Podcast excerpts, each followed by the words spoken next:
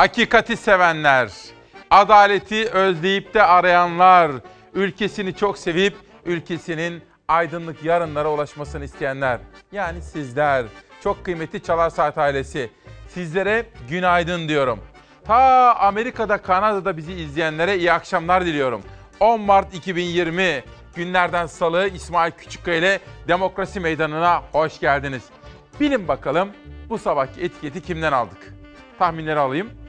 Manşet şu, es geçemeyiz. Bazı gerçekler var ki es geçilemez, görmezden gelinemez, duymuyorum, bilmiyorum denilemez. Es geçemeyiz diyoruz. Bu manşeti şaşıracağınız birisinden aldım. Hikayesini biraz sonra anlatacağım. Bugün hangi manşetleri konuşacağız? 1. Siyaset ve bunun ekonomiye yansımasını, ekonomi ve emekli, işçi ve işsiz, alın teriyle çalışan sizlerle ilgili çok farklı haberlerim var. Birinci manşet bu. 2. Siyasetle bağlantılı olunca dün demokrasi meydanına katılan Ali Babacan ve onun yaptığı açıklamalar o kadar çok konuşuldu ki gazetelerde bugün 12 ayrı köşe yazılarında Ali Babacan'a ilişkin manşetler ve köşe yazıları dikkatimizi çekti. Bunlara bakacağız. 3. Koronavirüs ve gelişmeler. 4. Tutuklu gazeteciler Barış Terkoğlu, Barış Pehlivan, Ağırel, Murat Ağırel ve diğer tutuklu gazeteci arkadaşlarla ilgili siyaset dünyasında neleri konuştu, adalet mekanizmasında neler var. Her birini sizlerle detaylı olarak konuşma imkanı bulacağım. Yönetmenim Serdar'dan rica ediyorum gazete manşetleriyle haber ve manşet yolculuğumuza başlıyoruz. Ama öncelikle istirham edeceğim. Uyandığınızda en yakınınızdakine ve dolayısıyla hayata günaydın deyin. İlk selamımız çocuklarımız için olsun. Onlar şimdi uyandılar ve okula gitmek üzere hazırlandılar. Onlara içtenlikle başarılar, huzurlu, sakin ve zihin açıklığı içinde bir gün diliyorum. İşte manşetler sözcüğüyle başlıyorum. Sonra Sabah gazetesiyle devam edeceğim. FETÖ'nün kirli elleri ve kirli ruhu hala ortalarda dolaşıyor. Yanındakilere ödül, karşısındakilere hapis. Bir dönem FETÖ'nün ayağına gidip fotoğraf çektirenler şimdi önemli görevlere getiriliyor. Hainle mücadele edenler ise cezaevine atılıyor. Can Özçelik imzalı 20 Mart 2020 tarihli Sözcü gazetesinin bir haberi. Siz lütfen fotoğrafa bakın. Ben de haberi sizlerle birlikte okuyayım. İktidarın FETÖ'yle mücadelesi lafta kaldı. Hatta bu FETÖ'nün ipliğini pazara çıkaran muhalif gazetecileri yok etmeye döndü. Örneğin 2012'de Pensilvanya'ya gidip FETÖ'yle poz veren AKP'lilerden 5'i milletvekili yapıldı. Biri de Türksel yönetimine atandı. Öte yandan FETÖ ile mücadele edenlere operasyon başlatıldı. Yıllarca FETÖ tehlikesine dikkat çeken Sözcü, Cumhuriyet ve Oda TV hapse çarptırıldı. Gazeteci Barış Pehlivan, Barış Terkoğlu, Hülya Kılınç ve Murat Ağırel hapse atıldı diyor efendim. O halde 20 Mart tarihli haber yolculuğumuza başlıyoruz. Günaydın, uyandınız mı? Koronavirüsle ilgili manşetlerle haber yolculuğumuza hemen başlıyoruz. Şu ana dek Türkiye'de tespit edilmiş tıbbi ifadeyle tanı konmuş koronavirüs vakası yoktur. Eğer biz de gecikmeli bu kapatmaları yapmış olsaydık şu an biz de İtalya, biz de İran gibi bir ülke haline gelebilirdik. Koronavirüs Türkiye'yi kuşattı. Suriye dışındaki tüm komşularda ölümcül hastalık ortaya çıktı. İran'da bir kent karantinaya alındı. Dünya genelinde virüs yüzünden ölenlerin sayısı 4000'i aştı. Fransa'da Kültür Bakanı da koronavirüse yakalandığını açıkladı. İlk kez Çin'de görülen ve adı Covid-19 olarak açıklanan yeni tip koronavirüs hızla dünyaya yayıldı. Yaklaşık 2,5 ayda 106 ülkede etkisini gösterdi. Dünya genelinde koronavirüs vaka sayısı 113 bini aştı. Hastalık yüzünden 4012 kişi hayatını kaybetti. Sadece çok az sayıda ülkede görülmedi koronavirüs. Ölümcül salgının görülmediği ülkelerden biri de Türkiye. 2000'in üzerinde şüpheli vakada numuneler çalışıldı. Hiçbirinde pozitif test sonucunun olmadığını özellikle ifade etmek istiyorum. Sağlık Bakanı Fahrettin Koca virüsün ülkede yurt dışından geliş veya Türk yolcuların dönüşleriyle ortaya çıkabileceğini söyledi. Uyarı yaptı. Buradaki ilk 14 günlerini lütfen evlerinde geçirsinler. Zorunlu olmadıkça evlerinden çıkmamalarını, eğer çıkılacaksa mutlaka maske kullanarak çıkmaları gerektiğini, herhangi bir hastalık belirtisi olduğunda da en yakın bir sağlık kuruluşuna müracaat etmelerini özellikle ifade etmek istiyorum. Avrupa'da Türkiye dışında Karadağ ve Kosova'da virüse rastlanmadı. Salgının önüne geçemeyen komşu İran'da ise 237 kişi hayatını kaybetti. Tahran 70 bin mahkumu serbest bırakma kararı aldı. İran yönetimi ilk kez bir kenti karantinaya aldıklarını duyurdu. Sistan, Beluçistan eyaletine bağlı Çabahar kentine giriş çıkışlar kapatıldı. Kent merkezinde gezen ambulanslar halka evlerinden çıkmamaları çağrısında bulundu. Avrupa'da ise İtalya'dan sonra en çok can kaybının yaşandığı ülke İspanya oldu. İspanya'da 30 kişi koronavirüs sebebiyle hayatını kaybetti. Fransa'da Kültür Bakanı koronavirüse yakalandığını açıkladı. Tedavi altına alınan Fransız bakanın sağlık durumunun iyi olduğu duyuruldu.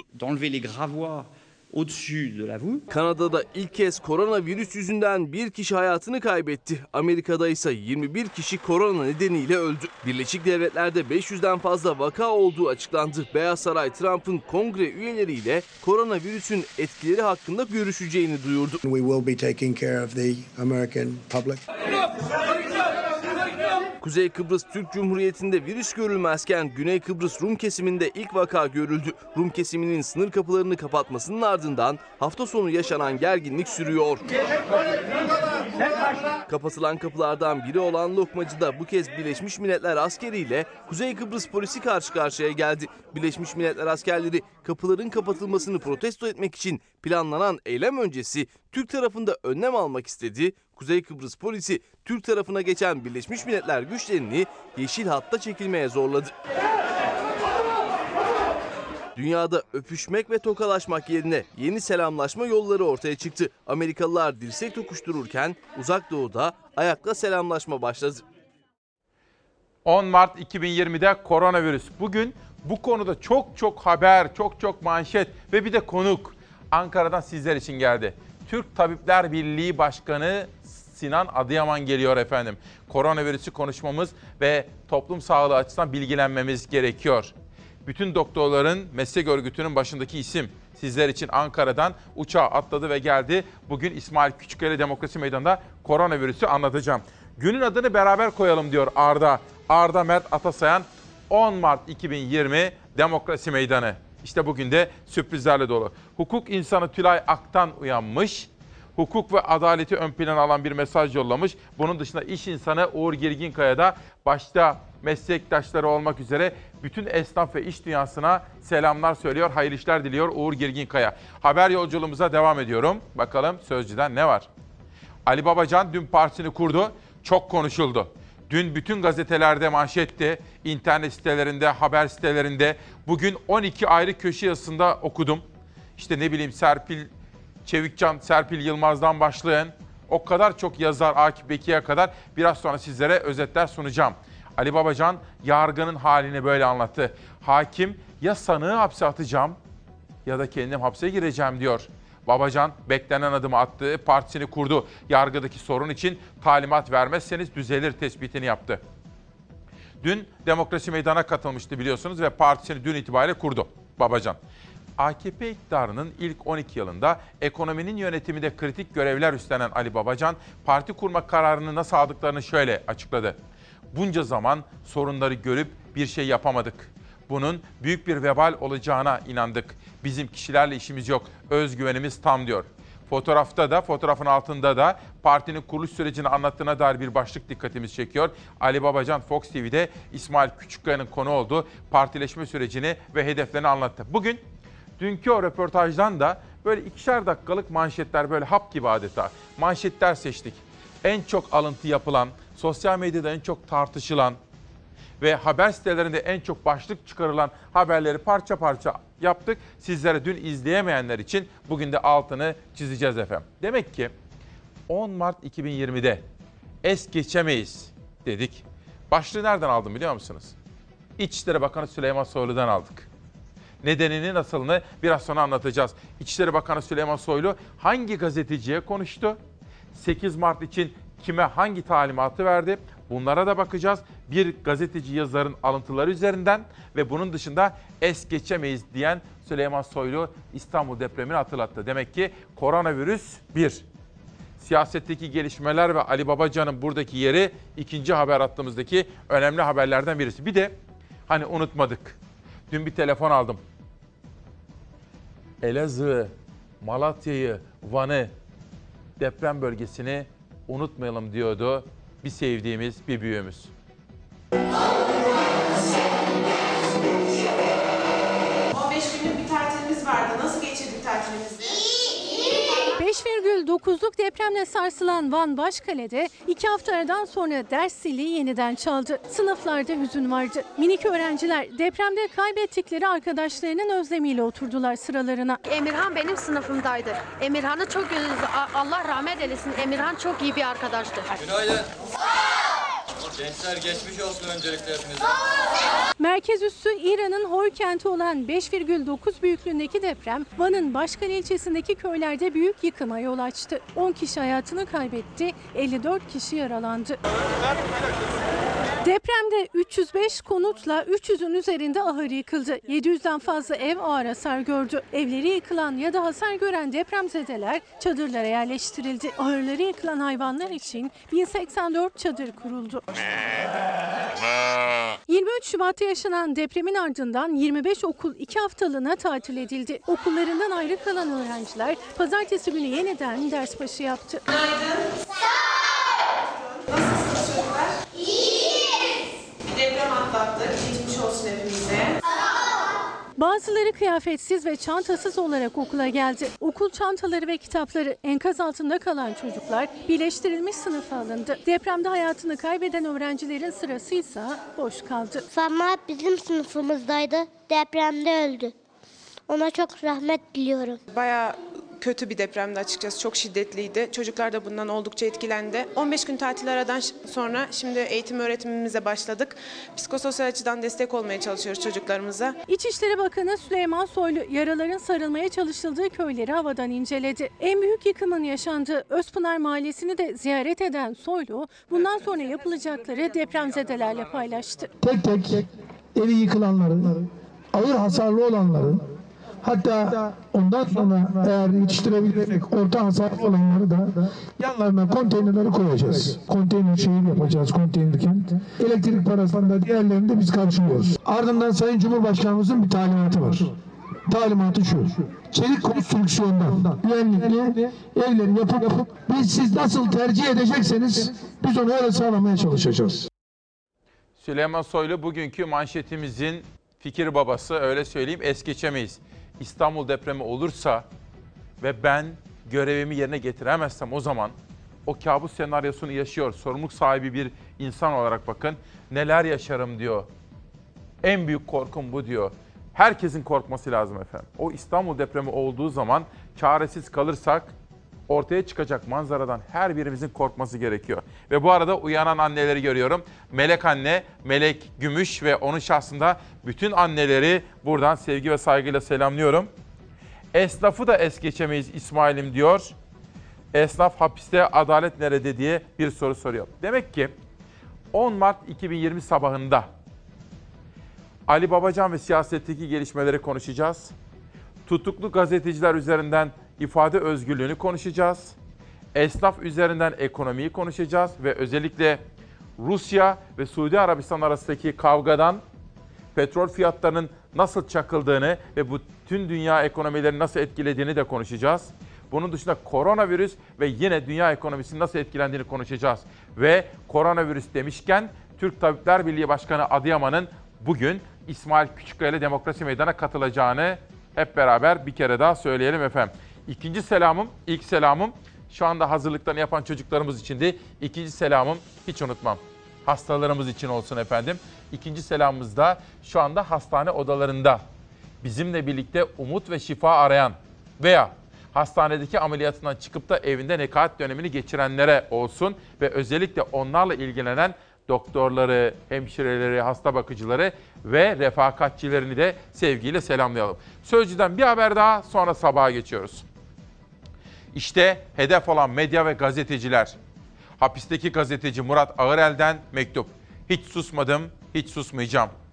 Libya'da şehit olan MİT'çinin kimliğini açıkladığı gerekçesiyle tutuklanan Yeni Çağ yazarı Murat Ağırel mektubunda şunları yazdı. Bugüne kadar susmadım, bundan sonra da susmayacağım diyor. Silivri cezaevinden ilk mektup değerli dostlarım diye başlıyor ve kendisinin cumhuriyetçi, Atatürkçü olduğunu, Türkiye'yi çok sevdiğini belirtiyor ve işte okurlarıyla daha doğrusu dostlarıyla, avukatları aracılığıyla yolladığı mesajlaşması mektubunda biraz sonra Murat Ayarel'den de bahsedeceğim. Bugün 7 ayrı köşe yazarından alıntılar yapacağım. O yazarlardan biri sürpriz bir isim. Süleyman Soylu'yu aramış. 8 Mart Dünya Kadınlar Günü'nde kadınlara yapılan eylem ve o eylemin sonucundaki müdahale için. O ilginç bir hikaye. Biraz sonra ona değineceğim. Ama bu gazeteci yazarlardan biri de Sözcü gazetesi yazarı Soner Yalçın. O da bu tutuklamaların arka planında başka ne var? Bu haber için tutuklanmış olamazlar diyor. Arka planda ne var? Bu gazetecileri kim, neden susturmak istedi? İşte Soner Yalçın bugünkü yazısında bu sorunun yanıtını arıyor efendim. Peki, dün tam da burada partisinin 9 Mart'ta kuruluşunu açıklayan, Demokrasi Meydanı'na katılan Ali Babacan vardı. Ali Babacan'a siz dedim yıllarca ülkeyi de yönettiniz. Yöneten kadronun içinde yer aldınız.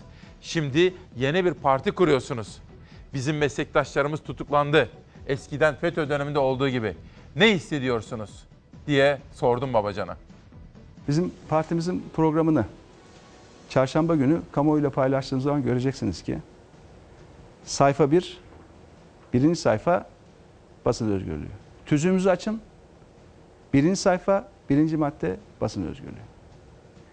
İfade özgürlüğü olmadığı zaman İsmail Bey problemleri dile getiremiyorsunuz. Problemleri tartışamıyorsunuz. Problemlerini tartışmayan bir ülkenin sorunlarını çözmesi mümkün değil.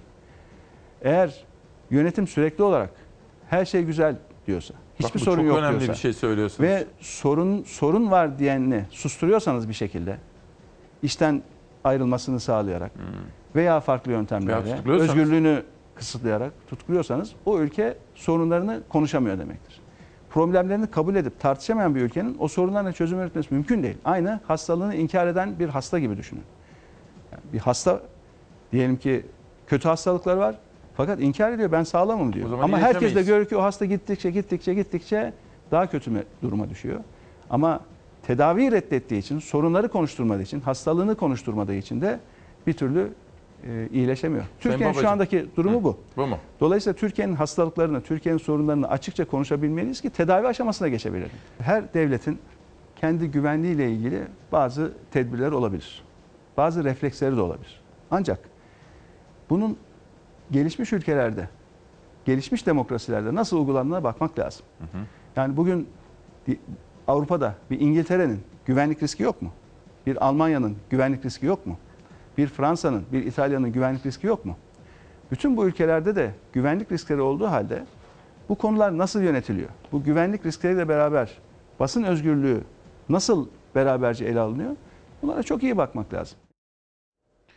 Bugün işte Ali Babacan'ın dün yapmış olduğu açıklamalar çok geniş yankı yarattığı için küçük küçük böyle manşetler seçtik. İzleyemeyenler veya altını çizmek için de sizlere bir daha anlatmak istiyorum efendim. Kamil Süren, İsmail Bey günaydın. Aydın'da yayın yapan Görsel Basın Ege Zirve Gazetesi olarak günaydın dileklerimizi iletiyoruz.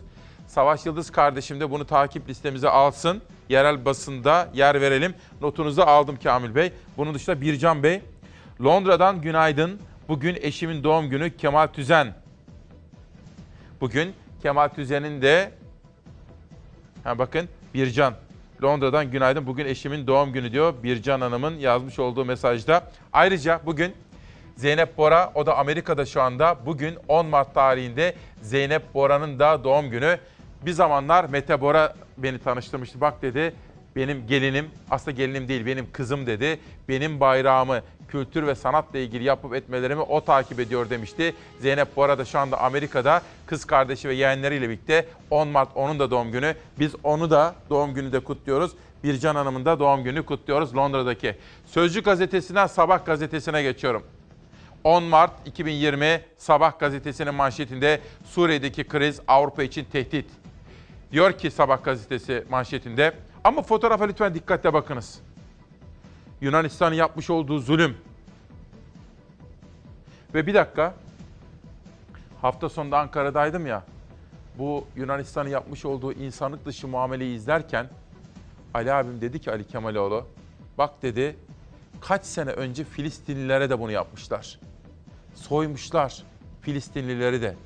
Yani insanlık nerede kaldı? Erdemler, değerler, o evrensel ilkeler nerede kaldı? Bu soruları sormamız gerekiyor. Lütfen dikkatle bakınız fotoğrafa. Hiçbir Avrupa ülkesinin Suriye'deki çatışmalara ve insani drama kayıtsız kalma lüksü yoktur diyor Cumhurbaşkanı Erdoğan. Sabah gazetesinin birinci sayfasında dün Cumhurbaşkanı Erdoğan'ın Brüksel'de yapmış olduğu temaslar ve buna ilişkin fotoğraflar, haberler yer almış durumda. Sabahtan bir haber daha vereceğim ama bir dakika. Sizi önce Kıbrıs'a götürebilir miyim efendim? Yavru vatan Kuzey Kıbrıs Türk Cumhuriyeti'ne. Hadi gidelim. Kıbrıs Barış Harekatı'nın yaşayan tek generali, harekatın gidişatını değiştiren komutana devlet övünç madalyası verildi. Madalyayı Kuzey Kıbrıs Türk Cumhuriyeti Başkonsolosundan aldı emekli Orgeneral Adnan Doğu. Son derece mutlu oldum. Sizleri tanımaktan da büyük bahtiyarlık duydum. Çok sağ olun.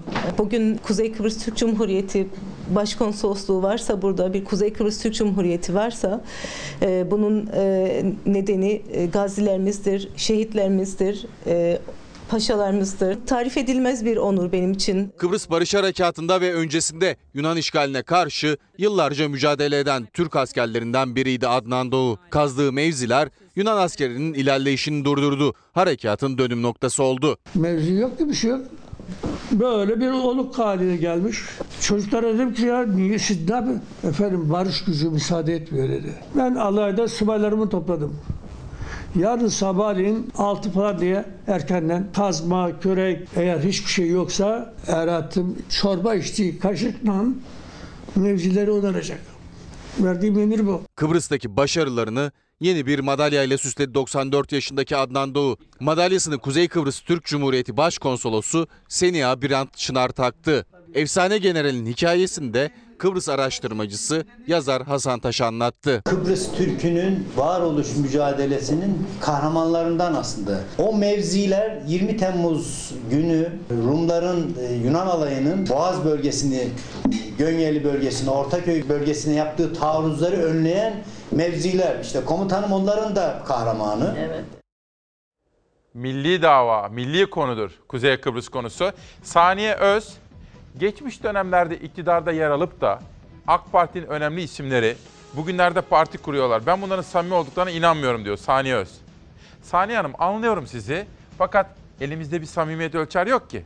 Sonuç itibariyle bugün o partiden ayrıldılar ve Türkiye'nin geleceği konusunda kaygı duydukları için kendilerince bir çaban içine girdiler. Yani çoğulculuk, çok partili hayat, rekabet bunlar önemlidir. Yani samimi olup olmadıklarına zaman içerisindeki yapıp etmelerine bakarak karar vermeliyiz diyorum. Ve sabahtan bir haber daha sunuyorum şimdi. Büyüme rakamı sizi şaşırtacak. Hazine ve Maliye Bakanı Berat Albayrak Denizli'deki toplantıda iş dünyasına seslendi. Bilmiyorum dikkatiniz çekiyor mu? Berat Albayrak bir süredir Türkiye turuna çıkmış durumda. Pek çok noktalara, illere, ilçelere ziyaret yapıyor. Oralarda toplantılara katılıyor ve oralarda illerdeki eşrafla buluşuyor efendim. Bu da dikkat çekici bir başka gelişme. Türkiye pozitif ayrışan, ayakları güçlü şekilde yere sağlam basan bir ülke noktasında diyor Berat Albayrak. Ocak ve Şubat rakamları çok iyi. İlk çeyrekte büyümede %6'yı aşarsak şaşırmayın diyor efendim. Peki Berat Albayrak haberinden sonra bizim İsmail Küçükkaya ile Çalar Saat temel felsefeleri diye sorsam böyle 7-8 felsefe. Onlardan birisi hangisidir? Tabii kadınla erkeğin eşitliği, kadının toplumsal hayattaki rolünün artırılması ve en önemli amacımız kız çocuklarını okutan bizler, kız erkek çocuklarına eşit muamele yapılan bizler siyasette eşit temsile inanıyoruz. Ne zaman ki parlamentonun yarısı kadın, ne zaman ki bakanların yarısı kadın, Finlandiya'da olduğu gibi, Hollanda'da olduğu gibi, mesela Kanada'da olduğu gibi, işte o zaman Türkiye pek çok sorununu çözebilir.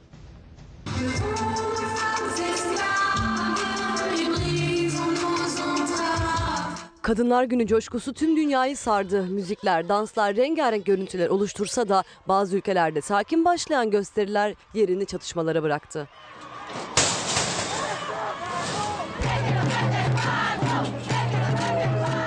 Fransa'da on binlerce kadın Paris'te toplandı. Sarı eldivenleri ve mavi işçi tulumlarıyla şarkı söylediler, dans ettiler. Kadınların öncelikli gündemleri arasında kadınla yönelik şiddet ve maaş eşitsizliği vardı.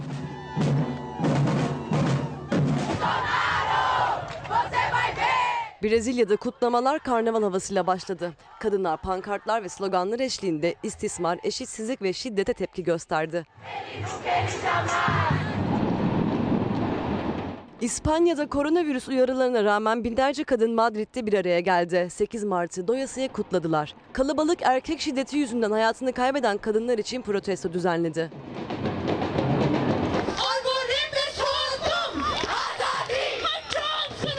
Pakistan'da binlerce kadın sokaktaydı. Müzikler eşliğinde dans eden kadınlar renkli pankartlar taşıdı. Gündemde Pakistan'da artan taciz vakaları vardı. Pakistanlı erkekler de kadınlara destek için kutlamalara ve protestolara katıldı.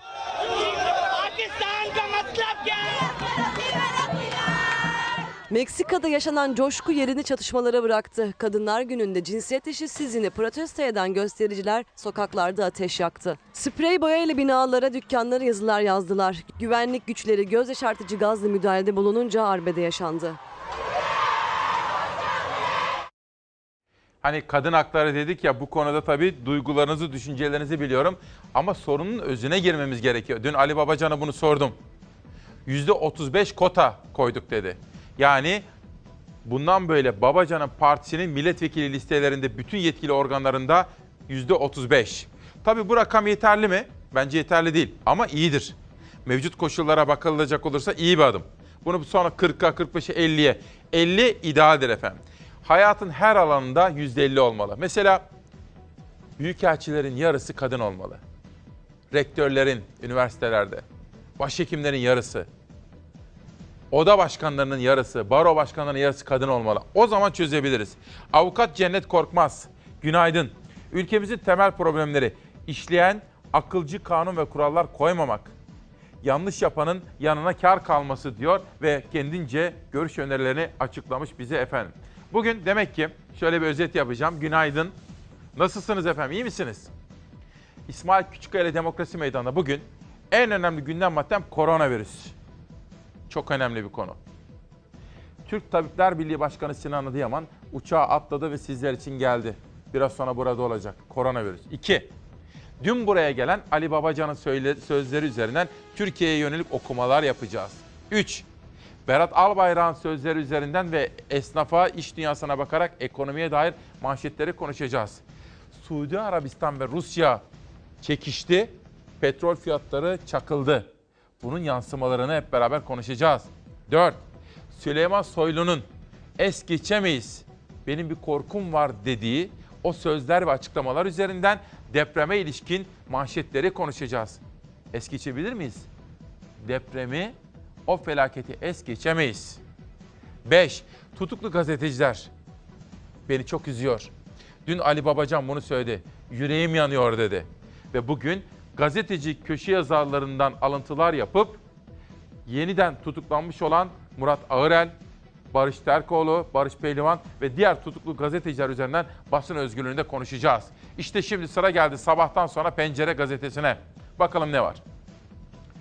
Tutuklanan Barış Pehlivan'dan gardiyan için suç duyurusu.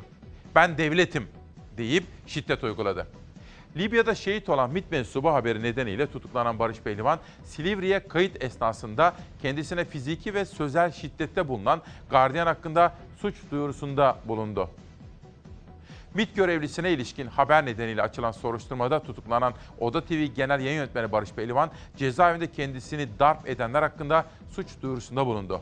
Pehlivan, avukatları aracılığıyla yaptığı suç duyurusunda şüpheli infaz koruma memurunun kimliğinin tespiti için tüm kamera kayıtları ile beyanlarının dosyaya eklenmesi ve kamu davası açılmasını talep etti. Gazeteci Pehlivan'ın avukatı savcılığa yaptığı suç duyurusunda şu ifadeleri kullandı. Silivri Kapalı Ceza İnfaz Kurumu'nda kayıt işlemleri sırasında kimliği tespit edilemeyen şüpheli infaz koruma memurunun kaba ve aşağılayıcı tavırları ile karşılaşan Pehlivan ilk etapta duymazdan geldi. Şüpheli infaz koruma memurunun rencide edici tavırlarını sürdürmesi üzerine kendisini kibarca uyaran Pehlivan'a bu kez de sen kim oluyorsun? Sen kim oluyorsun? Ben devletim minvalinde cümleler kurarak bağırmaya başladı diyor efendim. Başsavcılık ise bütün bu iddiaları yalanlayan bir açıklama yaptı. Onun da altını çizmiş olalım. Peki 8 Mart Dünya Kadınlar Günü. Bizde ne oldu Türkiye'de? İzleyelim mi? İzleyelim.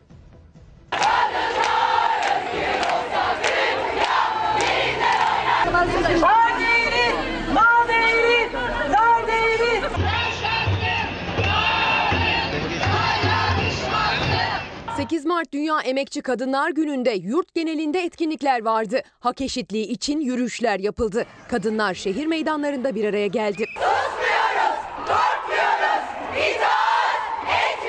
Ankara'da kadınlar tüm coşkusu ve renkleriyle 8 Mart'ta sokaklara çıktı. Ankara Kadın Platformu'nun çağrısıyla Kolej Meydanı'nda buluşan kadınlar alkış, slogan ve coşkuyla Sakarya Meydanı'na yürüdü. Şiddete uğrayan ve öldürülen kadınlar unutulmadı. Yoğun güvenlik önlemlerinin de kameralara yansıdığı eylemde kadınlar hem çaldılar hem söylediler, hak eşitliği için dans ettiler. Gelen olmaz bizimle, gelen olmaz. Samsun'da 8 Mart Dünya Emekçi Kadınlar Günü'nde bir araya gelen kadın dayanışması üyeleri gerçekleştirdikleri yürüyüşle kadına şiddete tepki gösterdi. Çevreden vatandaşların da desteğini alan kadınlar adına konuşan Sevil Topaloğlu, katledilen kadın sayısının her geçen gün arttığını vurguladı. Kadınların talepleri ve ihtiyaçları doğrultusunda ve kadınlarla birlikte politika üreterek, Eşitlik Bakanlığı'na kurulması gerekmektedir. Seyhan Belediyesi Kent Konseyi Kadın Meclisi 8 Mart Dünya Emekçi Kadınlar Günü'nde Bin Kadın Korosu konseri düzenledi. Eşitsizliğe, şiddete, istismara, ayrımcılığa ve eşit olmayan kadın erkek yaşam koşullarına dikkat çektiler.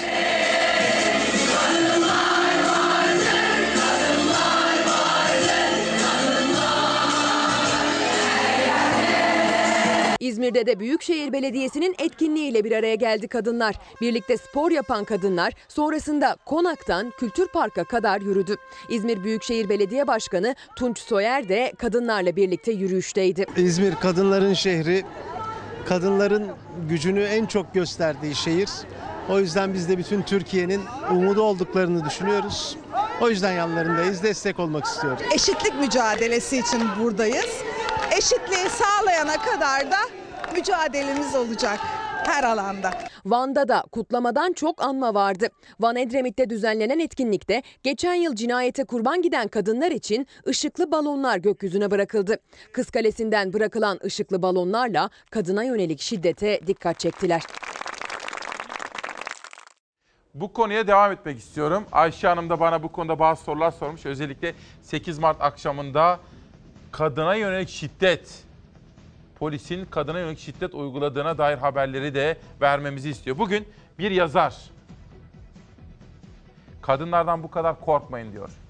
Önce İstanbul Emniyet Müdürü'nü aramış. İstanbul Emniyet Müdürü Mustafa Çalışkan demiş ki, İçişleri Bakanı Sayın Soylu'nun kesin talimatları var. Bu konuda taviz veremeyiz. Aldığımız talimatlara uymak zorundayız demiş. İstanbul Emniyet Müdürü. Gazeteci yazar daha sonra İstanbul Emniyet Müdürü'nün bu açıklamasını öğrenince Soylu'yu arıyor. Soylu'ya diyor ki neden bu kadar sertsiniz? Acaba Soylu ne diyor? Bu yazıyı sizlerle paylaşacağım. Günün önemli yazılarından bir tanesi efendim. Ama önce Pencere gazetesini tamamlayalım. Kavala'ya casusluk suçlaması, tahliye ihtimali doğduğu yeniden tutuklandı.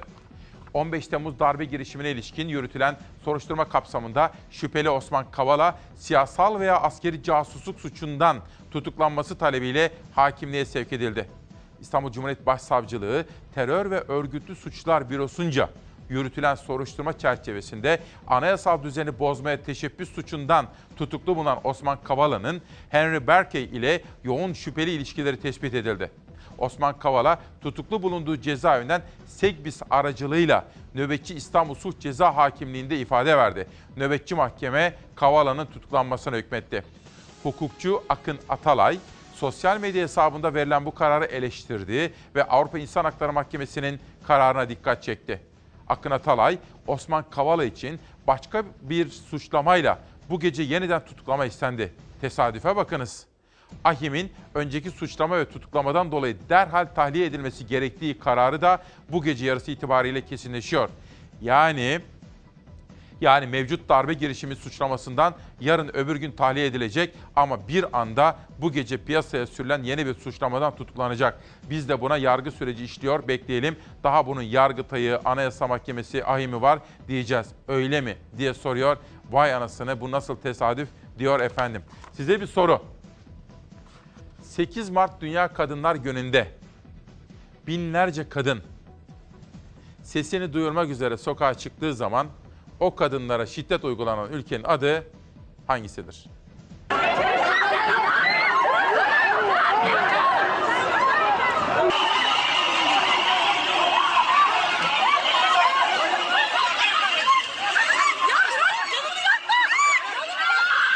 Kadınlar Günü'nde polis böyle gözaltına aldığı bir kadını polislerden oluşan bir koridorda otobüse tekmeler ve yumruklarla götürüldü.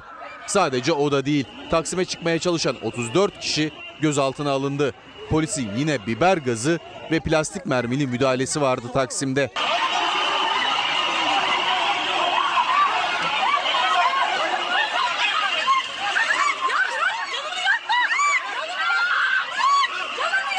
Binlerce kadın günler öncesinden Kadınlar Günü'nde Taksim'de olacaklarını duyurmuştu. Tıpkı geçen seneki gibi.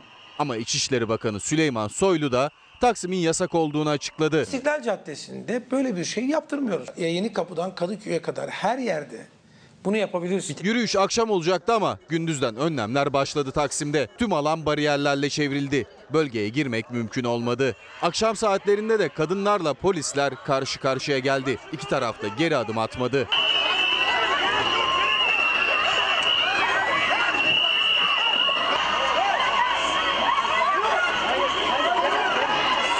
Sonrasında da biber gazlı, plastik mermili sert müdahale başladı. 34 kişi gözaltına alındı. Hatta polis tarafından bir dayak koridoru oluşturuldu. Gözaltına alınanlar bir gün sonra serbest bırakıldı.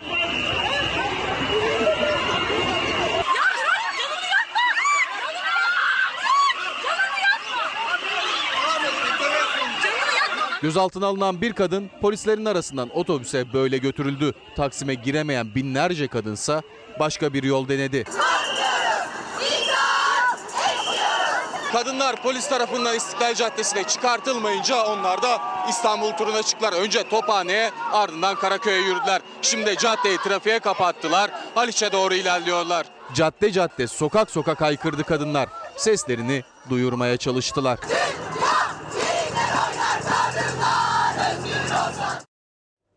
Şimdi bütün bu olup bitenler yaşanınca Nagihan Alçı gazetecilik yapmış ve önce Mustafa Çalışkan'ı aramış. İstanbul Emniyet Müdürü. Ne oluyor efendim demiş. Bakın. Önce İstanbul Emniyet Müdürü Mustafa Çalışkan'la konuştum. 8 Mart dolayısıyla önemli bir toplantıya girerken kapıda açtı telefonu Sayın Çalışkan. Neden böyle yapılıyor diye sordum. İstanbul Emniyet Müdürü demiş ki, Bakan Bey'in, Soylu'nun 8 Mart noktasında değerlendirmesi böyle. Dolayısıyla çok net bir talimat verdi. Bu talimat doğrultusunda önlemler alınıyor demiş. Yani İstanbul Emniyet Müdürü demiş ki, ben burada Sayın Bakan'ın aldığım talimatları uygulamakla mükellefim demiş. Gazeteci Nagihan Alçı da hemen İçişleri Bakanı'nı aramış. Aynı eleştirisini ve sorusunu ona da yöneltmiş. Ve Bakan Bey de ne demiş bakalım? Türkiye'nin her yerinde ve İstanbul'un çeşitli yerlerinde çok güzel 8 Mart etkinlikleri düzenleniyor. Bakın bir sorun yok. Ben de size soruyorum. Soylu Alçı'ya soruyor. Bu Taksim ısrarı neden? Devletle inatlaşmak ve devlete meydan okumak neden demiş ve bu konuda taviz veremeyeceklerini söylüyor. Gazeteci yazar Nagihan Alçı bu konuda bence iki yetkiliyle konuşarak önemli. Özellikle Emniyet Müdürü'nün talimatı bakan verdi demesi de bence son derece ilgi çekici bir diyalog ve mekanizmadan bizi haberdar ediyor efendim. Ve gazeteci de yine de eleştiriyor. Taksim'i geçmişte biz 2011-2012'de açabilmiştik. Devlet aslında ülkenin her yerinde ifade ve ifade ve gösteri özgürlüğünü sağlamakla mükellef değil midir? Bu da günün sorusu. Bir haber daha gelsin. FETÖ, FETÖ gitti, FETÖ geldi. İyi Parti'den ağır ele destek. İyi Partililer şehit olan MİT mensubu haber nedeniyle tutuklanan gazeteci Murat Ağırel'e destek için Yeni Çağ gazetesi önünde toplandılar. Partililer adalet yalıdan yönetilemez ve FETÖ gitti, PETÖ geldi pankartları taşıdılar. Ve bu ses çıkarma eyleminde İyi Parti İstanbul İl Başkanı Buğra Kavuncu da Murat Ağırel'e onun gazeteciliğine kefil olduklarını ve onun serbest kalması gerektiğine inandıklarını söyledi. Buradaki hukuk açısından da pek çok çelişkiye dikkat çekti İyi Parti İstanbul İl Başkanı. Efendim saatler 7.55'ten 7.56'ya doğru gidiyor. İsmail Küçükkaya ile 10 Mart 2020'nin hava durumuna geldi sıra şimdi. İzleyelim. Batı ve iç kesimlerde hava yağışlı, yağışın etkili olduğu kesimlerde sıcaklıklar düşüşte. Yurt genelinde Lodos'tan esen kuvvetli rüzgar etkili. Bugün Ege ve Marmara bölgelerinde hava yağışlı. Sabah saatlerinde Ege'nin kıyı kesimlerinde kuvvetli sağanak yağmur bekleniyor. Sel, su baskını ve taşkın gibi olumsuzluklara hazırlıklı olunmalı. Marmara bölgesi genelinde de aralıklarla yağmur var. Yağışların İstanbul'da aralıklarla çarşamba sabah saatlerine kadar devam etmesi bekleniyor. İç Anadolu bölgesinde ise yağışlar yalnızca hafif yağmur geçişleri şeklinde kısa süreli etkili olacak. Çarşamba sabah erken saatlerde yağışlar hemen hemen tüm yurtta etkisini yitirmiş olacak. Çarşamba gökyüzünde hava parçalı bulutlu, bulutlar zaman zaman güneşin önünü kapatsa da gökyüzü yurt genelinde güneşli. Salıdan çarşambaya yağışın etkisini yitirmesiyle sıcaklıklarda yeniden birkaç derecelik artış bekleniyor. Perşembe cuma günlerinde ise yurdun güney kesimleri yağışlı havanın etkisi altına girecek. Özellikle cuma günü güney kıyılarımızda aralıklarla kuvvetli sağanak yağmur ihtimali görülüyor. Şimdiden tedbir almakta fayda var. İşte bugün özellikle koronavirüs konusuna çok özel eğineceğiz efendim. Özel değineceğiz. Özel manşetler ve konuğum var. Türk Tabipler Birliği Başkanı Sinan Adıyaman bu sabah Demokrasi Meydanı'na katılacak efendim. Pencereden sonra geçelim. Heh. Şimdi bakın pencerede bu sayfa da çok dikkatimi çekti. Babacan da yola çıktı. Eski Başbakan Yardımcısı Ali Babacan'ın öncülüğünde kurulan Demokrasi ve Atılım Partisi'nin kuruluş dilekçesi İçişleri Bakanlığı'na verildi. Partinin kurucular kurulu 90 kişiden oluştu. Babacan'la birlikte AK Parti'de görev üstlenmiş 4 eski bakan, 7 eski AK Partili milletvekili dikkat çekti. Kurucular kurulunda 27 kadın ve 16 genç yer aldı. Ayrıca burada engelliler de yer aldılar efendim onu da söyleyelim. Bu arada gazetede çok farklı detaylar da var. Onları da zaman zaman sizlere anlatma imkanı bulacağım. Adalet bizim en çok inandığımız erdem ve değerlerin başına geliyor. Bir de eğitim. Hangi şartlar altında olursa olsun, hangi ortamda olursa olsun herkesin eğitim ihtiyacının karşılanması devletin bir vazifesidir. Eğitim ve öğretim hakkı insanların temel haklarından birisidir. İsterse cezaevinde olsun, Adalet ve Milli Eğitim Bakanlıkları ortaklığında bir ilk için ilk adım atıldı. Cezaevlerinde mesleki okul protokolü imzalandı. Amaç hapishanelerdeki tutukluları mesleki eğitimle yeniden hayata hazırlamak. suçluyu kazıyınız, altından insan çıkacaktır. Tekrar bu kişinin topluma kazandırılması gerektiği hususu asla aklımızdan çıkmaması gereken temel bir yaklaşımdır. Mesleki eğitimin burada çok ayrı bir önemi var. Bir insanın hayatını kazanması, meslek kazanmakla doğrudan doğruya e, alakalı. Türkiye genelinde cezaevlerinde 309 meslek eğitim merkezi kurulacak. On binlerce hükümlü faydalanacak. Kalfalık, ustalık, usta öğreticilik belgesi alması, diploma sahibi olması söz konusu olacak. Ve bir ilk cezaevlerinde lisede açılacak. 9, 10, 11 ve 12. sınıflara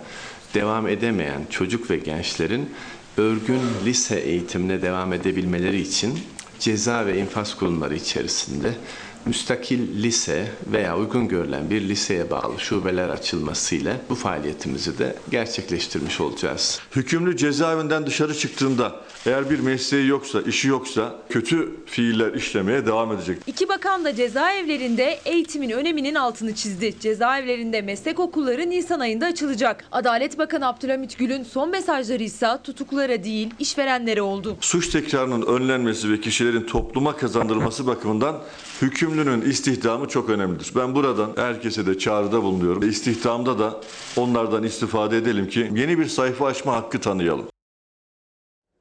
Bugün tabii önemli sabahlardan biri konuşmamız gereken pek çok husus var.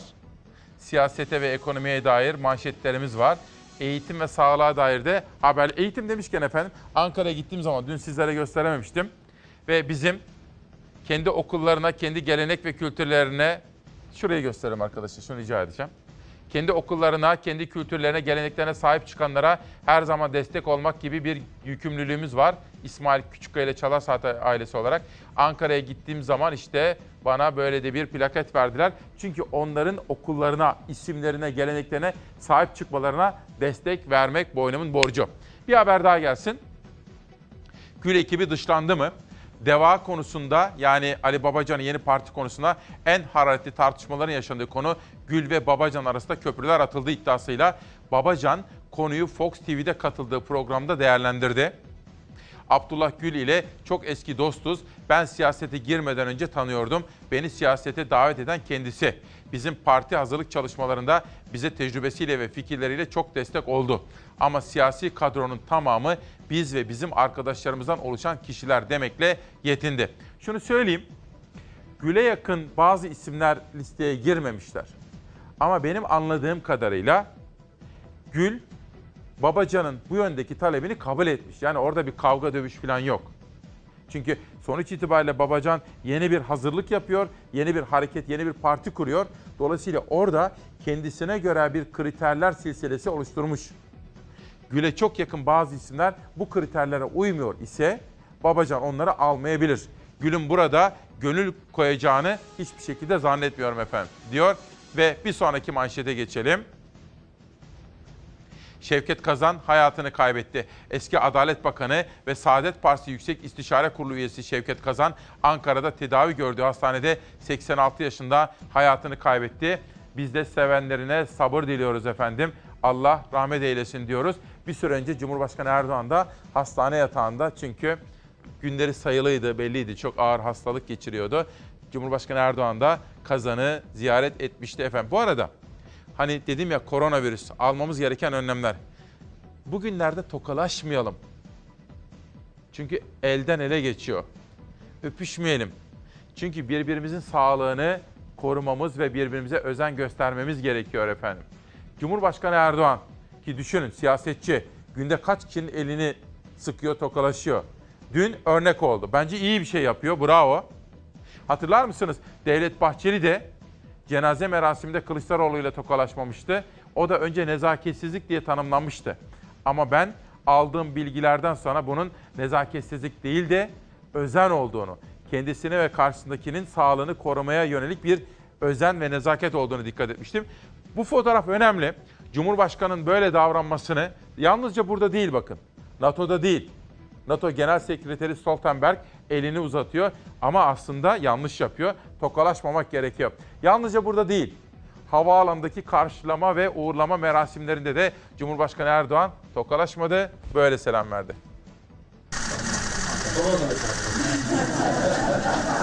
Brüksel'de NATO ve Avrupa Birliği temsilcileriyle temaslarda bulunan Erdoğan fiziksel temastan kaçındı. Koronavirüse karşı tedbirli hareket etti.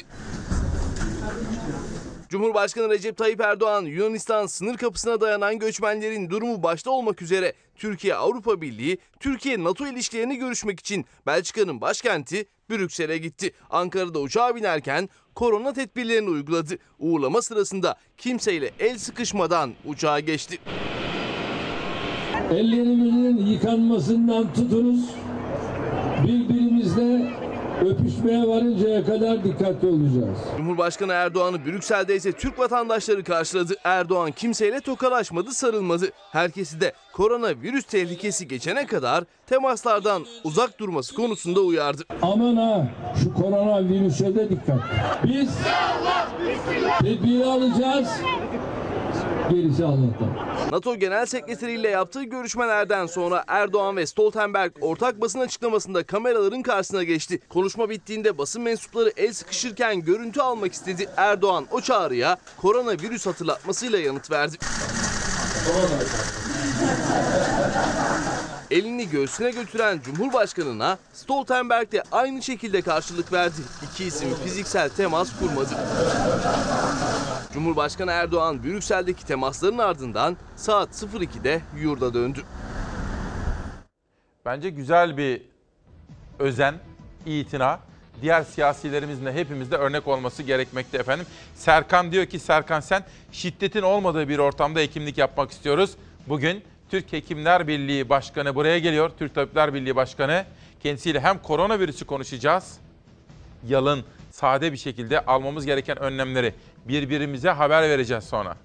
Hem de şiddeti, sağlık çalışanlarına yönelik şiddeti de önleme konusunda Türk Tabipler Birliği Başkanı'na sorular soracağım. Geçelim Cumhuriyet Gazetesi'ne. Sarayın kuzusu. Bu da 10 Mart 2020'de Cumhuriyet Gazetesi'nde Zehra Özdilek imzalı bir manşet. Cumhuriyet yargının dokunmaya çekindiği kuzu ile Zindaşti'nin görüşme trafiğini açıklıyor. Sarayın kuzusu. Uyuşturucu kaçakçısı Zindaşti'yi tahliye ettirdiği ileri sürülen eski AKP milletvekili ve Cumhurbaşkanlığı Hukuk Politikaları Kurul üyesi Profesör Burhan Kuzu, Zindaşti ile iddia ettiği gibi yalnızca 2011 ve 2014'te bir kere görüşmemiş. HTS kayıtlarına yani cep telefonlarıyla nerede olduğunuz, kimi kaç dakika arayıp görüştüğünüze dair bilgiler var ya buna HTS kayıtları diyorlar. Yani görüşmenin içeriği yok da kimi aradınız, kaç dakika görüştünüz, neredeydiniz baz istasyonlarından adres tespitine HTS kayıtları deniyor. 2015'ten sonra Zindaşti ve adamlarıyla en az 12 kez görüştü ya da mesajlaştı. Kuzu'nun kendisini Zindaşti ile tanıştıran AU isimli kadınla da sürekli irtibat halinde olduğu polis fezlekesine yansıdı. Gazetecilerin suç üretilerek jet hızıyla tutuklandığı bir ortamda hakim ve savcıların ifadelerine karşın Kuzu soruşturmasına adım atılmadı. Haftalar geçti ancak Kuzu henüz ifade bile vermedi diyor efendim. Bakın fotoğrafta son derece ilgi çekici ayrıntılar yer almış durumda efendim. Bir de hani zaman zaman diyorum ya sizlere iyi ki bu ülkede Anayasa Mahkemesi var. Mesela Soma'da bir facia yaşadık değil mi biz? Soma'da şehitler verdik. Soma'da. Sonra oradaki kazanın ihmaller zincirinin oluşturulması için, araştırılması için bir soruşturma açılması gerekiyordu. Fakat buna izin vermediler. Neden? Anayasa Mahkemesi dedi ki bu konuda yetkililerin soruşturulmamasına, bu iznin verilmemesine hak ihlalidir. Böyle bir karar var. Bakın Anayasa Mahkemesi'nden Soma faciası kararı. Bence hukuk dünyamız açısından çok dikkate değer ve Anayasa Mahkemesi'ne teşekkür etmemiz gereken bir karar. 6 yıl önce Soma'daki maden faciasında can veren 301 işçinin yakınlarının yaptığı başvuru karara bağlandı. Anayasa Mahkemesi kamu görevlileri hakkında soruşturma izni verilmemesine yaşam hakkı ihlali kararı verdi. Yani efendim bir yerde kamu görevlilerinin ihmali varsa bunun soruşturulması gerekir. Demokratik sistem şeffaf ve hesap verebilir. Yönetim mekanizması ancak böyle çalışır. Teşekkürler Anayasa Mahkemesi. Solayı unutma, unutturma. 301 burada yatıyor. Avukatı hapiste. Katilini saldılar. Nasıl hissedersin? Bu anneler, bu babalar karda kışta burada adalet istiyorlar. Adalet sadece duvarlarda yazılı olmasın. Soma'da 301 maden işçisinin ölümünün üzerinden 6 yıl geçti. Madeni denetleyenler denetlenemedi, soruşturulamadı. Çünkü bakanlık ilgili kamu görevlilerinin soruşturulmasına izin vermedi. Anayasa Mahkemesi soruşturma izni verilmemesinin hak ihlali olduğu kararına vardı. Şimdi burada ne kadar anma da yapılsa, yastığı ekle deseler o yazılar bizim içimizi rahatlatmıyor ki. Nasıl hissedilebilir ki? İnsanın öfkesi bir kat daha çok artıyor. Manisa'nın Soma ilçesinde yaşanan katliam gibi kazada 13 Mayıs 2014'te 301 madenci öldü dile kolay. Katliamın ardından hazırlanan bilirkişi raporunda kazanın pek çok ihmal ve kusur sonucu meydana geldiği tespit edildi. Cumhuriyet Başsavcılığı madenin denetimini yapan kamu görevlileri hakkında şüphe oluştu dedi. Çalışma ve Sosyal Güvenlik Bakanlığı'ndan haklarında soruşturma izni istedi. Ancak bakanlık ilgili kişiler hakkında ön inceleme yürütmesi yaptığını söyledi, soruşturulmalarına izin vermedi. Ölen madenci yakınları karara itiraz etti. Ancak soruşturma talebi Danıştay'dan da döndü. Haklarında ön inceleme yapılan kamu görevlilerinin eylemleriyle maden kazasının meydana gelmesi arasında doğrudan bir illiyet bağı yoktur dedi Danıştay. Madenci yakınları Anayasa Mahkemesi'ne bireysel başvuruda bulundu bu kez. Anayasa Mahkemesi ise kamu görevlileri hakkında denetlemeye bakanlıkça izin verilmemesine hak ihlalidir dedi. Bu annemle ikimiz, bu babam, bu da abim. Biz annemle e, tabakları taşıyoruz. E, babam da şey, e, mangalı yapıyor. Abim de çalı topluyor. Canımın içine bir köz düşmüş ki Her gün yanıyor, durmadan yanıyor. Diyorlar unutuluyor, unutulmuyor. Yaşanan facia ile ilgili bilirkişi raporu, kamu görevlilerinin ve denetim yapmaktan sorumlu bakanlıkların da görevlerini gerektiği şekilde yapmadığını vurgulamıştı. Raporda yaşanan olayın faciaya dönüşmesi önlenebilirdi denmişti. Çünkü facianın yaşanmasının nedeni olarak eski imalattan sızan gazlar ve içindeki metanın zarar görmüş bir kabloya kısa devre yaptığı tespit edilmişti. Can Gürkan'a 15 yıl, diğer sorumlulara 20'şer yıllık cezalar verilmişti. Bırakın 15 yılı, 5 yılı dolmadan da madenin sahibi Can Gürkan serbest bırakıldı. Anayasa Mahkemesi hak ihlali kararı verirken bilirkişi raporunu göz önünde bulundurdu. Bilirkişi raporunun müfettişlerin olaydan sorumlu olduğu tespitinin altını çizdi yüksek mahkeme. Bu konudaki değerlendirmelerin yapılmasıyla ilgili bakanlığın izin vermemesinin ve sürecin sona erdirilmesinin etkili soruşturma ilkeleriyle bağdaşmadığını söyledi. Adalet yerini buluncaya kadar buradayız. Katiller halka Ne kadar acı bir olaydı öyle değil mi? Erhan Beykoz'da hakikate inanan bir arkadaşımız. Dün Ömer Çetinkaya ile karşılaştım. Koşumu yapıyordum. O sırada durdurdu beni.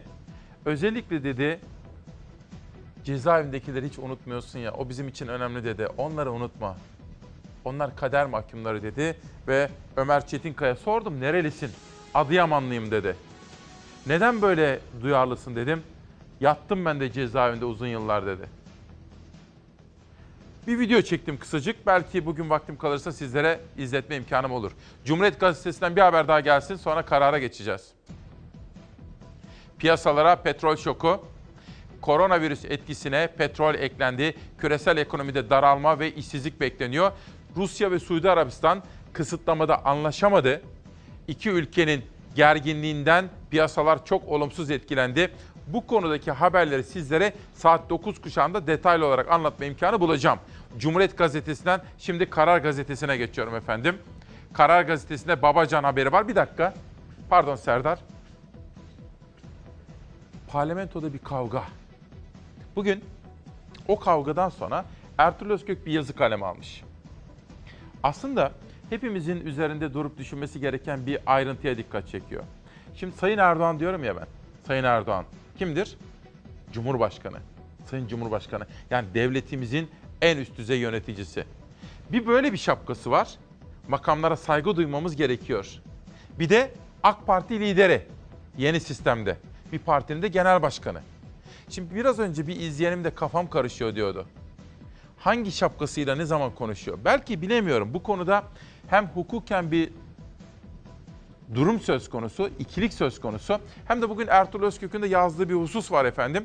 O hususu da sizlere özetleyeceğim. Ama şu kavga nereden çıktı? Niye bunu söylüyorum? Şimdi Sayın Erdoğan bir tarafıyla Cumhurbaşkanı olduğu için tabii eleştirileri buna göre yapılması gerekir. Makam makam diye bir şey var değil mi? Ama bir tarafıyla da AK Parti lideri. E şimdi kendisi AK Parti lideri şemsiyesiyle başka liderleri eleştirince e onu da eleştiriyorlar. Belki muhalefet bunu nasıl yapabilir biliyor musunuz? Ben olsam, düşündük biz bunu geçen çalışırken. Mesela şöyle diyebilirler. Biz şimdi Sayın Cumhurbaşkanı'na hitap ediyoruz. Eleştirisi varsa buna göre yapabiliriz. Çünkü Cum Bir de biz şimdi AK Parti lideri Sayın Erdoğan'a hitap ediyoruz. Çözüm olur mu? Olur.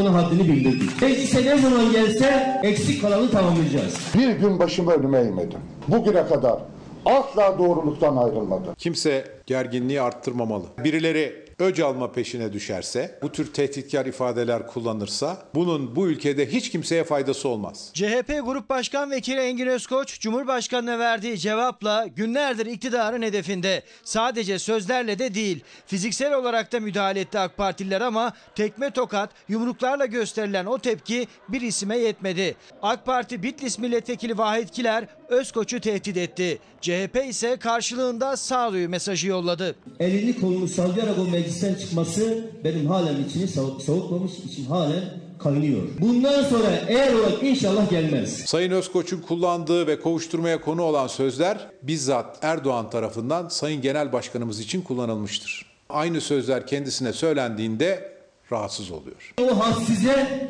haddini bildirecek zamandır. Erdoğan grup kürsüsünden Kılıçdaroğlu hakkında ağır cümleler kurmuştu. Hemen ardından basın toplantısı düzenleyen Özkoç da aynı ifadelerle Erdoğan'a hedef alınca söz düellosu yerini kaba kuvvete bıraktı. Meclisteki toplantıdan sonra insan demeye utandığımız o şahıs tekrar geldi. Meclis kürsüs- kürsüsünde konuşmaya başladı. Genel kurul kürsüsündeki CHP Grup Başkan Vekili Engin Özkoç'un üzerine yürüdü AK Partililer. İçimiz halen savunmuş değil. Milletvekillerinin birbirlerinin üzerine uçtukları, meclis çatısı altında meydan muharebesine tutuştukları o kavgadan ilk yumruğu atan AK Parti Bitlis Milletvekili Vahit Kiler övünerek bahsetti. Sonra da daha da dikkat çekici cümleler kurdu. Meclise ne zaman gelse aynı muameleyi görecek. Eksik kalanı tamamlayacağız. Zaman gerginliği arttırmama ve birlik olma zamanıdır. Özkoç hakkında hazırlanan dokunulmazlığının kaldırılmasına yönelik fezleke oylanacak mı sorusunda şimdi gözler. Sarayın ve vesayeti altındaki yargının unuttuğu parlamentonun itibarına iktidar muhalefet demeden tüm milletvekillerinin sahip çıkması milletimizin ortak arzusudur. Şimdi Yeter Hanım. Şimdi Yeter ismi de Anadolu'da çok yaygındır biliyorsunuz değil mi? Yeter ismi. Yeter Hanım diyor ki peki çözüm ne diye soruyor. Ya ben tabii Cumhurbaşkanlığı makamına her zaman çok saygı duymuş bir insanım. Ben hala kabullenemiyorum. Yani Cumhurbaşkanı aynı zamanda bir parti lideri olmasın. Mesela ileride de olmasın. Hiçbir zaman olmasın. Mesela düşünsenize. Hem Cumhurbaşkanı hem Cumhuriyet Halk Partisi'nin lideri. Hem Cumhurbaşkanı hem İyi Parti'nin lideri hem Cumhurbaşkanı hem Deva Partisi'nin lideri. Yani bence olmaması lazım. Ben benim zihniyetim ve bakışa ba- yani devlete bakış açıma uymuyor bu. Neyse ama benim sözüm o kadar önemli değil. Bakın bugün Ertuğrul Özkök bu konudaki çelişkiye dikkat ediyor. Hem de bakın hükümeti destekleyen bir gazetede, Hürriyet Gazetesi'nde çok önemli bir yazı yazar. Ankara ama lütfen dikkatle takip ediniz. Önemli bir konu çünkü. Ankara 46. Asya Ceza Mahkemesi geçen hafta çok ilginç bir karar aldı. Cumhuriyet'ten Alican Uludağ'ın haberine göre mahkeme Cumhurbaşkanı'na hakaretten yargılanan bir sanığa ceza verdi ama bu ceza ilginçti. Hakim sanığa cezayı Türk Ceza Yasası'nın 299. maddesinde düzenlenen Cumhurbaşkanı'na hakaret suçundan değil, 125. maddedeki hakaret suçundan verdi. Gerekçesine de şunu yazdı. 16 Nisan 2017'deki referandumdan sonra Cumhurbaşkanı'nın tarafsızlığı hukuken ortadan kalkmıştır. Sanık Erdoğan'a Cumhurbaşkanlığı sıfatıyla yaptığı icraatlarından dolayı değil, siyasi bir kişilik parti başkanı olarak gerçekleştirdiği eylemler nedeniyle hakaret suçunu işlemiştir. Cumhurbaşkanlığı makamı TCK'nın 299. maddesiyle özel bir korumaya alındı. Ama bir parti genel başkanı için bu tür bir özel korunma yok. Bence son derece dikkate değer bir gelişme bu efendim. Hürriyet gazetesinde bu haberi de verdik. Gelelim Karar gazetesine. Babacan yola çıktı diyor. Partisinin adı DEVA. Eski Başbakan Yardımcısı Ali Babacan ve ekibi uzun süren hazırlıkların ardından DEVA Partisi ile yeniden aktif siyaset sahnesine döndü. İçişleri Bakanlığı'na teslim edilen 90 kişilik kurucular kurulu üyelerinin üçte biri kadın. Listede eski bakanlar ve siyasetçiler kadar genç isimlerin de çokluğu dikkat çekiyor diyor efendim. Tabii kendisiyle o yayından sonra bir kahve içme ve sohbet etme imkanı da buldum. Şöyle 45-50 dakika kadar önce. Orada aklımdaki bazı detayları da sordum. Mesela o yayında sizlerden gelen, özellikle kadınlardan gelen bir soru vardı. Vaktim yetmedi. Bir tek o soru kaldı. Onu da sordum ki sizlere anlatabileyim diye. Önce haberi izleyelim. Dönüşte o sorunun yani sizlerden gelen ama yayında kendisine soramadığım tek sorunun hikayesi. Siyasi partinin oluşumu, siyasi partinin kadrosu tamamen biz ve bizim arkadaşlarımızdan oluşan bir kadro. Yani bu kadronun geleceğe dönük bir kadro olması gerekiyor. Ve bu kadronun mümkün olduğunca tabii siyaseti bilen ama daha çok da siyasete yeni kazandırdığımız kişilerden oluşması gerekiyor. Bakın bugün kurucularımız listesi İçişleri Bakanlığı'na verildiği anda zaten duyuluyor. O kaçınılmaz bir şey duyuluyor. Şimdi bakacaksınız. Orada göreceksiniz ki Yeni isimler. daha önce daha önce siyaset yapan ki adayları aday adaylığı bile yapmış olsa onları dahi saysanız diyelim ki bir yerden basit bir aday adayı olmuş. Onları dahi saysanız üçte bir civarında. Üçte ikisi siyasete tamamen bizim yeni kazandıracağımız isimler. ve genç isimler. %30 kadın oranımız var bakın. %30 Çok kadın. önemli. %30 kadın. %30 kadın kurucu. Yani 90 kurucumuzun %27 ya 27 tanesi yani %30'u tam kadın. %20'ye yakın gencimiz var. 30 yaş altı var. Bu siyasi partilerin kuruluşundaki en yüksek oran. Ve tüzüğümüze kadın kotası koyduk. Genç kotası koyduk. Kadın kotası %35. Baktığımızda maalesef bu siyasetin kötü algısı kadınlarımızı bu alana fazla cezbetmiyor. Ama biz ne yapıyoruz? Yani özellikle potansiyeli olan ve siyasette katkısı olacak kadınlarımızı özellikle davet ettik. Yani bu nispeten doğru bir tespit. Çünkü bir dönem biliyorsunuz başörtülü kızlarımız, öğrencilerimiz e, eğitimleriyle ilgili ciddi kısıtlamalarla karşı karşı karşıya Ama Türkiye kaldılar. açtı onları. Türkiye onu açtı ama şu var. Yani bir korku var bu tekrar gelir mi diye. Gelir mi? Yani bugün hala mevcut iktidarı destekleyen insanlarımızda öyle bir korku var. Yani mevcut iktidar giderse o eski günlere döner miyiz diye. Ama biz biz onun garantisiyiz. Yani o eski günlere asla dönülmez. Şimdi o yayından sonra oturduk sohbet ettik. Böyle 40-45 dakika sade kahve ikram ettim, içtik. Birkaç soru sordum. Beraber bir video izledik ve ona ilişkin yorumlarını aldım. Hani background diyorlar buna. Arka planda bilgilenmek. Yarın öbür gün başka konularda o bilgi benim işime yarar. Direkt ondan aktarmasam bile. Ama yayın sırasında kadınlardan gelen bir soru vardı. Zamanım yetmedi. Bir tek o soru kaldı. Ama dedim ki yarına bunu sormak istiyorum sizlere. Ve orada sordum. İşte onun hikayesi.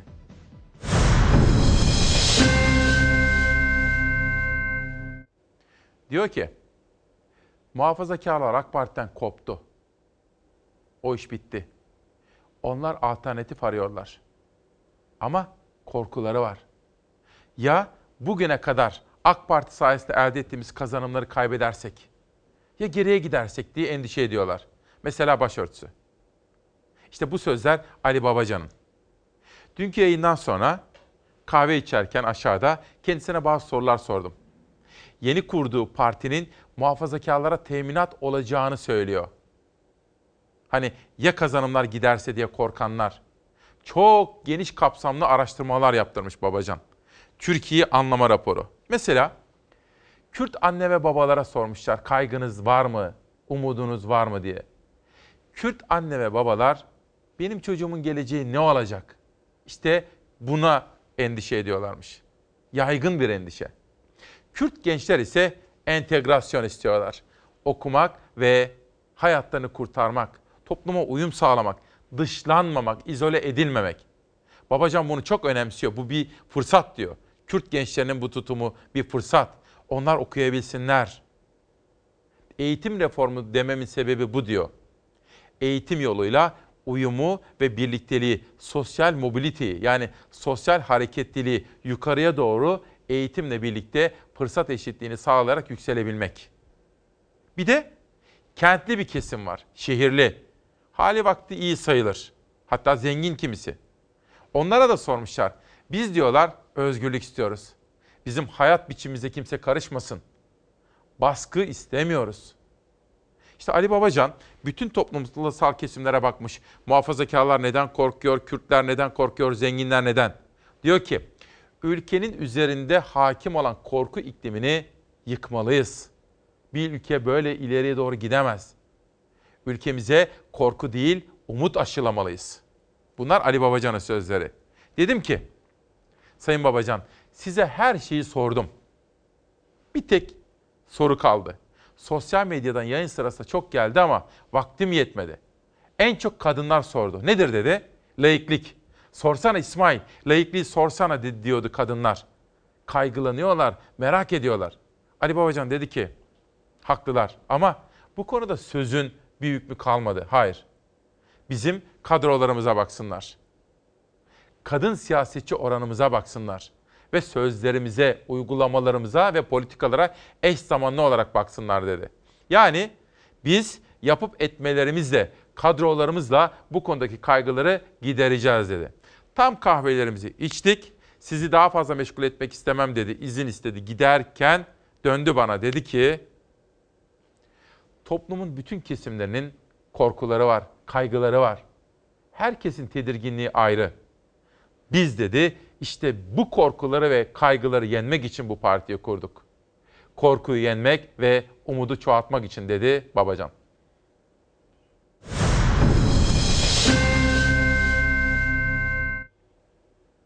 Demek ki 10 Mart 2020'de İçişleri Bakanı Süleyman Soylu'nun İstanbul depremine ilişkin yaptığı açıklamadan es geçemeyiz sözünden manşet aldık. Deprem, koronavirüs, Ali Babacan ve siyasetteki yansımaları, petrol fiyatlarının çakılması ve piyasalara etkileri gibi ana başlıklarda haberler ve Türk Tabipler Birliği Başkanı Sinan Adıyaman şu anda Fox'a girmek üzere. Biraz sonra koronavirüsü ve sağlıkta şiddeti Türk Tabipler Birliği Başkanı'yla yani bütün doktorların en üst düzey meslek örgütündeki liderleriyle konuşacağız. Sıra geldi bir güne. Yalıya değil saraya bak. Unutulmaması gereken gerçek. Dünden bugüne tek yetkili ve sorumlu Erdoğan. Ana muhalefetten yargı örgütlerine ve yargılanan gazetecilere kadar herkes konuşmasına çete diyerek başlıyor. Bu yaklaşım yaşananların esas sorumlusu olan saray rejimini arka planda bırakıyor. Bugünlerin moda kavramı devlete ya da iktidara çöreklenen çeteler oldu. İktidarın attığı her adımda, yargının aldığı her kararın arkasında AKP içinde var olan gruplar aranmaya başlandı. Bu durum muhalefetin diline o kadar yerleşti ki Erdoğan'ı eleştirirken bile çetelere izin verdin denilerek yapılmaya başlandı. Oysa AKP'nin iktidara geldiği tarihten bugüne Erdoğan'ın bilgisi ve izni olmadan tek bir adım bile atılmadığı biliniyor. Bu bir yönetme taktiği diyor Bir Gün Gazetesi. Erdoğan bir yandan ne kadar güçlü bir lider olduğunu gösterirken diğer yandan da haberim yoktu. Arkadaşlar yanlış yapmış. Bilgim dahilinde değildi cümlelerini rahatlıkla kullanmayı alışkanlık haline getirdi. Hiçbir yanlış, hiçbir eksik ya da hiçbir suç Erdoğan'a ait olamaz. Dün olduğu gibi bugün de aynı eylemler ve uygulamalar yine farklı farklı çete tarzı şebekelerle anılıyor. Sarayın kamufle olduğu çetelerin göründüğü bu durum en çok Erdoğan işine yarıyor. Muhalefet bile ana muhalefetten yargı örgütlerine ve yargılanan gazetecilere kadar herkes konuşmasına çete diyerek başlıyor. Yalıdan siyaset üretenler, yargıyı ele geçiren cemaatler, hatta Karadenizli iş adamları bile suçlanıyor. Ama iktidarın kendisi görmezden geliniyor diyor efendim. Saatler 8.28 oldu. Önemli gündem maddelerimizden birisi de koronavirüs. Bugün yayınımız boyunca bu konudaki çok farklı güncellenmiş haberleri sizlere aktarmak istiyoruz.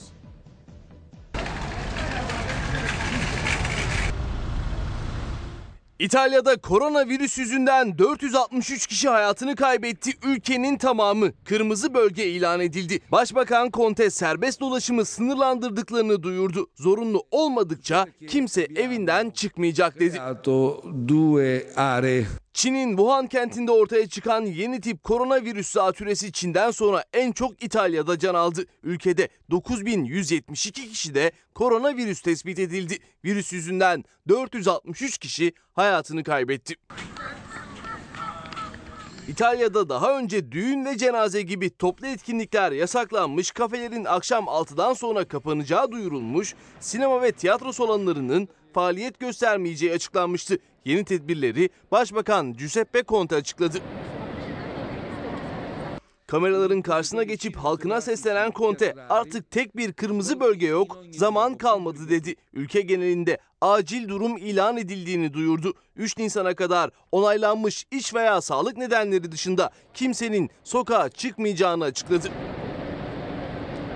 Conte 3 Nisan'a kadar tüm eğitim faaliyetlerinin durdurulduğunu ilan etti. Ülke genelinde ilk ve orta dereceli okullarla üniversiteler kapalı olacak dedi. Seri A da dahil bütün spor müsabakalarının da 3 Nisan'a kadar durdurulduğunu duyurdu.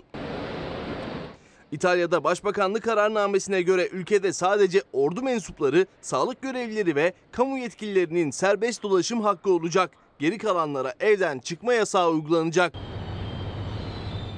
Sokağa çıkma yasağından önce de hayat durma noktasına gelmişti İtalya'da. Sokaklar, alışveriş merkezleri boş kaldı. Conte'nin akşam saatlerinde duyurduğu acil durumla birlikte İtalyanlar marketlere akın etti. 3 hafta sürmesi planlanan sokağa çıkma yasağı için yiyecek stoklamaya çalıştılar. Panik yüzünden birçok kentte market rafları boşaldı. Marketler önünde uzun kuyruklar oluştu. Öte yandan koronavirüs nedeniyle İtalya'da hapishanelerde ekstra güvenlik önlemleri alındı. Hakları kısıtlanan mahkumlar isyan çıkardı. Çıkan olaylarda 6 mahkum hayatını kaybetti. Bugün işte böyle Biraz sonra Türk Tabipler Birliği Başkanı Sinan Adıyaman'a da soracağım. Ömer Kızıl bir mektup yollamış bana. Kadın, kadının toplum içindeki rolü ve bizim buradaki sorumluluğumuz. Teşekkür ediyorum kendisine. Duyarlılıklarımız ortaktır efendim. Bakın şöyle bir çalışma yapmış. Cumhuriyetimizin kadınları, sanatın parlayan yıldızları. Tam da 8 Mart'a denk getirmiş. Şöyle bir sizlere göstermek isterim. Dikkatle takip ediniz efendim bakın. Ve Cumhuriyet'in kadınları ile ilgili haberler. Buralara geçin arkadaşlar direkt. Evet bunları sen böyle bir geç tek tek. Bak şimdi çok önemli eserleri... Hah bakın. İdil Biret, dünya çapındaki bir değerimiz. Güher Süer Pekinel. Ömer Kızıl'a teşekkür ediyorum efendim. Suna Kan ve Gülşen Talu. Sevin Berk, Meriç Sümer iş sanattaydı. Çok genç yaşta kaybettik. Suna Korat ve Gülsin Onay. Leyla Gencer böyle devam edip gidiyor efendim. Ben de bunu albümümde saklayacağım efendim kitaplığımda. Ve dünyanın manşetlerine şöyle bir bakalım. Financial Times gazetesi. Bunu neden önemsiyorum biliyor musunuz? Pardon Serdar. Kadın modellere ihtiyacımız var. Rol modellerine. Güçlü kadınlar. Güçlü kadınlar. Kendi ayakları üzerinde duran, okumuş, yazmış. Çocuklarını okutan. Örnek olsun çocuklarımıza. Biz başka türlü aşamayız sorunlarımızı. İşte dünyanın konuştuğu manşetler Financial Times gazetesi uzun bir haber analiz yapmış ve Suudi Arabistan'la Rusya arasındaki petrol savaşlarının küresel marketleri nasıl etkilediğini gözler önüne seriyor. Bakın bir zamanlar 100 dolardı. 52 dolarlardan en düşük seviyesine 31 dolara inmişti. Sonra 36 dolarlara tekrar yükseldi. İki ülke arasındaki petrol savaşları. The Guardian gazetesi de aynı olayı ve bakın ne diyor? Hem bu petrol savaşları hem de bu virüsle ilgili korkular nedeniyle panik var, panik dalgaları var ve 2008 yılından bu yana en düşük seviyesine kadar düşmüş, çok geniş bir yankı bulmuş bu olay. Independent gazetesine geçiyorum ve bakın yine aynı şekilde 2008'deki o büyük düşüşten, çöküşten sonraki en büyük çöküşü yaşıyoruz efendim. Dünya televizyonlarıyla aynı anda Çalar Saat'te. OPEC toplantısında Rusya ile Suudi Arabistan arasında yaşanan tartışma veya restleşme diyelim. Sistemi bir virüs, koronavirüsü sistemi tetikledi. Aşağı yukarı 70 kuruş, 80 kuruşluk bir indirim pompa fiyatlarına yansıyabilir. Ham petrolün varil fiyatı 35 dolara kadar geriledi. Gözler Türkiye'ye akaryakıt fiyatlarına çevrildi. Benzinde litrede ortalama 84 kuruş, motorinde 65 kuruşluk bir düşüş olması bekleniyor. Ama aslında olması gereken indirim daha fazla. Onun da önündeki engel yüksek vergi. Petrol fiyatlarındaki %30'a yakın bir düşüş oldu. Bu düşüşün toplamını Tüketici pompa fiyatına gittiği zaman pompa fiyatında görmesin, beklemesin. Ekonomi uzmanlarına göre düşüş direkt pompa fiyatlarına değil ana ürünün fiyatını yani ham benzin ve motorinin fiyatlarını etkileyecek. 3 lira olarak kabul ettiğiniz zaman ana ürün fiyatını %30 düştüğü zaman 90 kuruş yapar. 6,5 lira civarında satılan benzin ve mazotun yaklaşık yarısı vergi. Ana ürün fiyatı kadar da vergi var akaryakıtta. İstanbul'da benzinin litre fiyatı 6 liranın, motorun ise 5 liranın üzerinde ve yarıya yakını vergi. ÖTV var, ÖTV'nin de KDV'si var. Petroldeki düşüş akaryakıt istasyonlarının fiyat tabelalarını da etkileyecek. Ortalama benzinin litresinde 84 kuruşluk, motorinin ise 65 kuruşluk bir indirim bekleniyor. Öyle ki İstanbul'da bu indirimlerle birlikte benzinin litre fiyatı 5 lira 73 kuruşa, motorinin ise 5 lira 59 kuruşa düşecek. Petrol fiyatlarındaki gerileme doğalgaz fiyatlarına da düşüş olarak yansıyabilir. Ama o düşüş faturaya yansır mı? Uzmanlar pek umutlu değil. Ve asıl gelecek yıl doğalgaz fiyatlarında ciddi indirim beklentisi ortaya çıkıyor. Bugün ayrıca Selin Çarmıklı Kozağ'ın kızı var. Herhalde 12 ya da 13 yaşına bastı. Onun da doğum günü, Kayra'nın da doğum günü. Nereden aklıma geldi? Bakın Alp Kahraman Türk her sabah bizimle birliktedir ve aktiftir. Görüşlerini ifade eder bana. O kadar ki 7.15'te başlarız, ona kadar reklamlarda bile bizimledir ve her konuda görüşlerini de ifade eder. Alp Bey diyor ki, küçük oğlum Nazım Ayber Kahraman Türk'ün doğum günü diyor. Dolayısıyla 10 Mart'ta doğum günü olanları içtenlikle bir kere daha kutluyorum efendim. Es geçemeyiz, bugünkü manşeti sıra geldi. Bugün Çalarsat gazetesinde Bakın Ali Babacan manşet dün çok konuşuldu çünkü. İlerleyen dakikalarda farklı hususları da sizlere anlatacağım. Dediğim gibi dün yaptığımız o yayından ikişer dakikalık videolar seçtik ve manşet olan en çok paylaşılan konuları sizlerle paylaşacağım. Biraz sonra devamı gelecek. Ama şimdi bugünün manşeti es geçemeyiz. Bu sözü İçişleri Bakanı Süleyman Soylu'dan aldık. Soylu deprem konusunda haklı bir endişe içerisinde. İçişleri Bakanı Soylu benim korkum şu diyor. Bizim zamanımızda olur da sorumluluğunu taşıyan biri olarak tarihe kara bir adam olarak geçmekten Allah'a sığınırım diyor efendim. İşte bunu hepimizin düşünmesi gerekiyor. Devleti yöneten herkesin, devletin vatandaşı olan herkesin şunu hiç unutmadan sürekli akıllarda tutmamız gerekiyor. Çünkü olacak.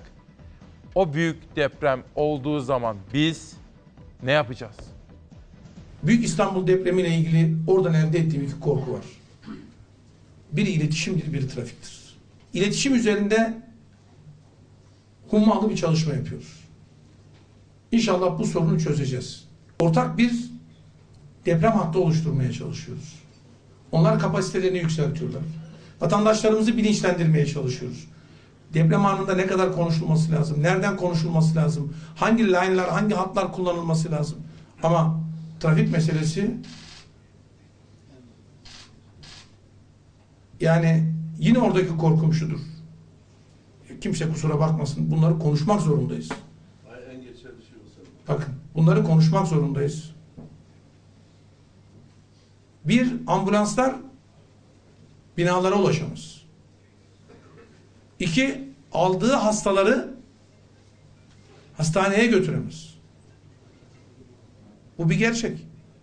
Buna ait tedbirlere de çalışıyoruz şu anda. Buradan elde ettiğimiz tecrübelerle çok ciddi bir şekilde çalışma ortaya koyuyoruz. Çok zecri tedbirler alacağız. Ve çok kesif tedbirler almak zorundayız. Ve bunları hep beraber yapmak zorundayız. Kaymakamlıklarımız, belediyelerimiz, arama kurtarmacılar konusunda hem gönüllü timler oluşturmalı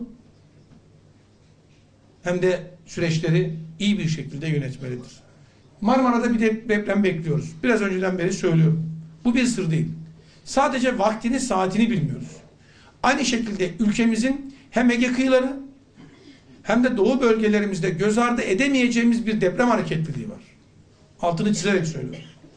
Yılbaşından beri hatta geçen yılın sonlarından beri yaşadıklarımız deprem konusunda hepimizin malumu. Beşik gibi sallanıyoruz. Bütün bu gerçekler karşımızdayken yerelde ve hükümet olarak almamız gereken tedbirlerde bina sahiplerinin ekonomik hesapları yüzünden geri adım atamayız. Elbette ki onları da gözetmek zorundayız. Zaten bütün sistemimizde onun üzerinden planlanmıştır. Soylu haklı. Bunu düşünmemiz gerekiyor efendim. Musa Nas, bu Ali Babacan'a falan çok ümit bağlama. Bizim halkımız bunlara destek vermez diyor.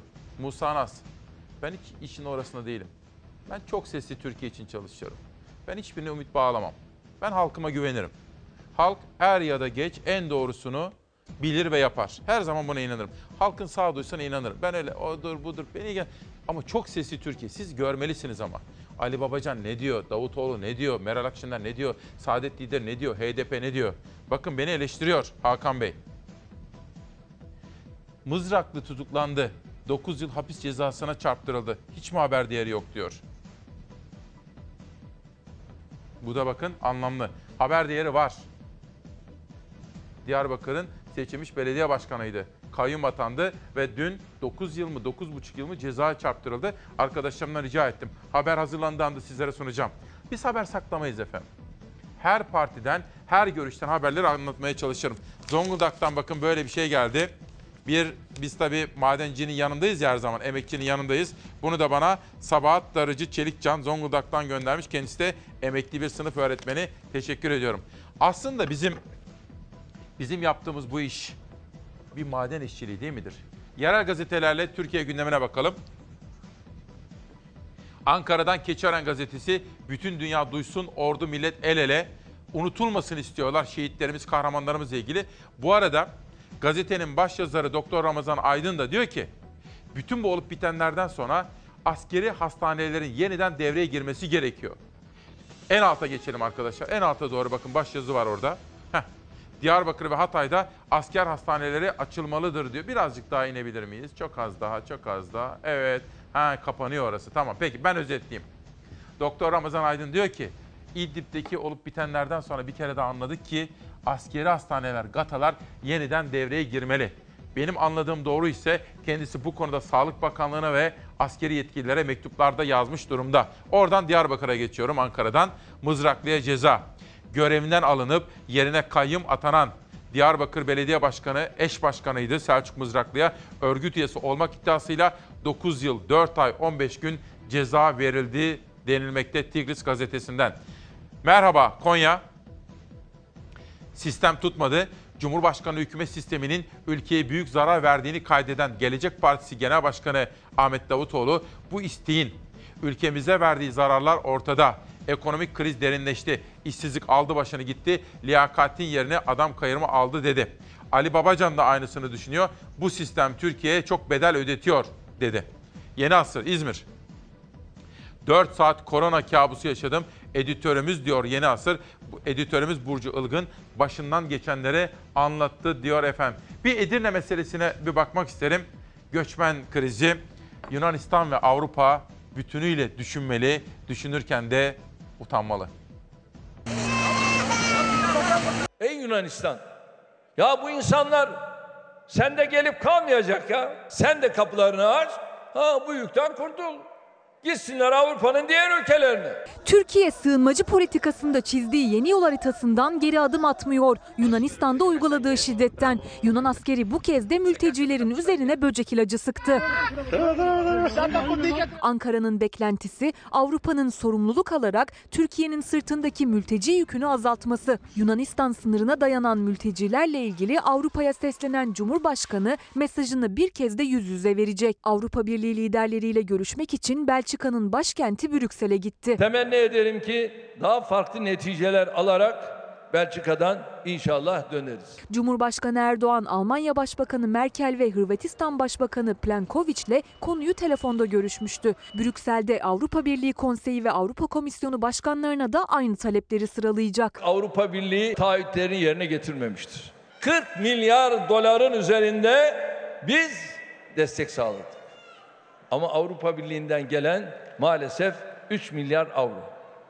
40 milyar dolar lira, 3 milyar avro lira.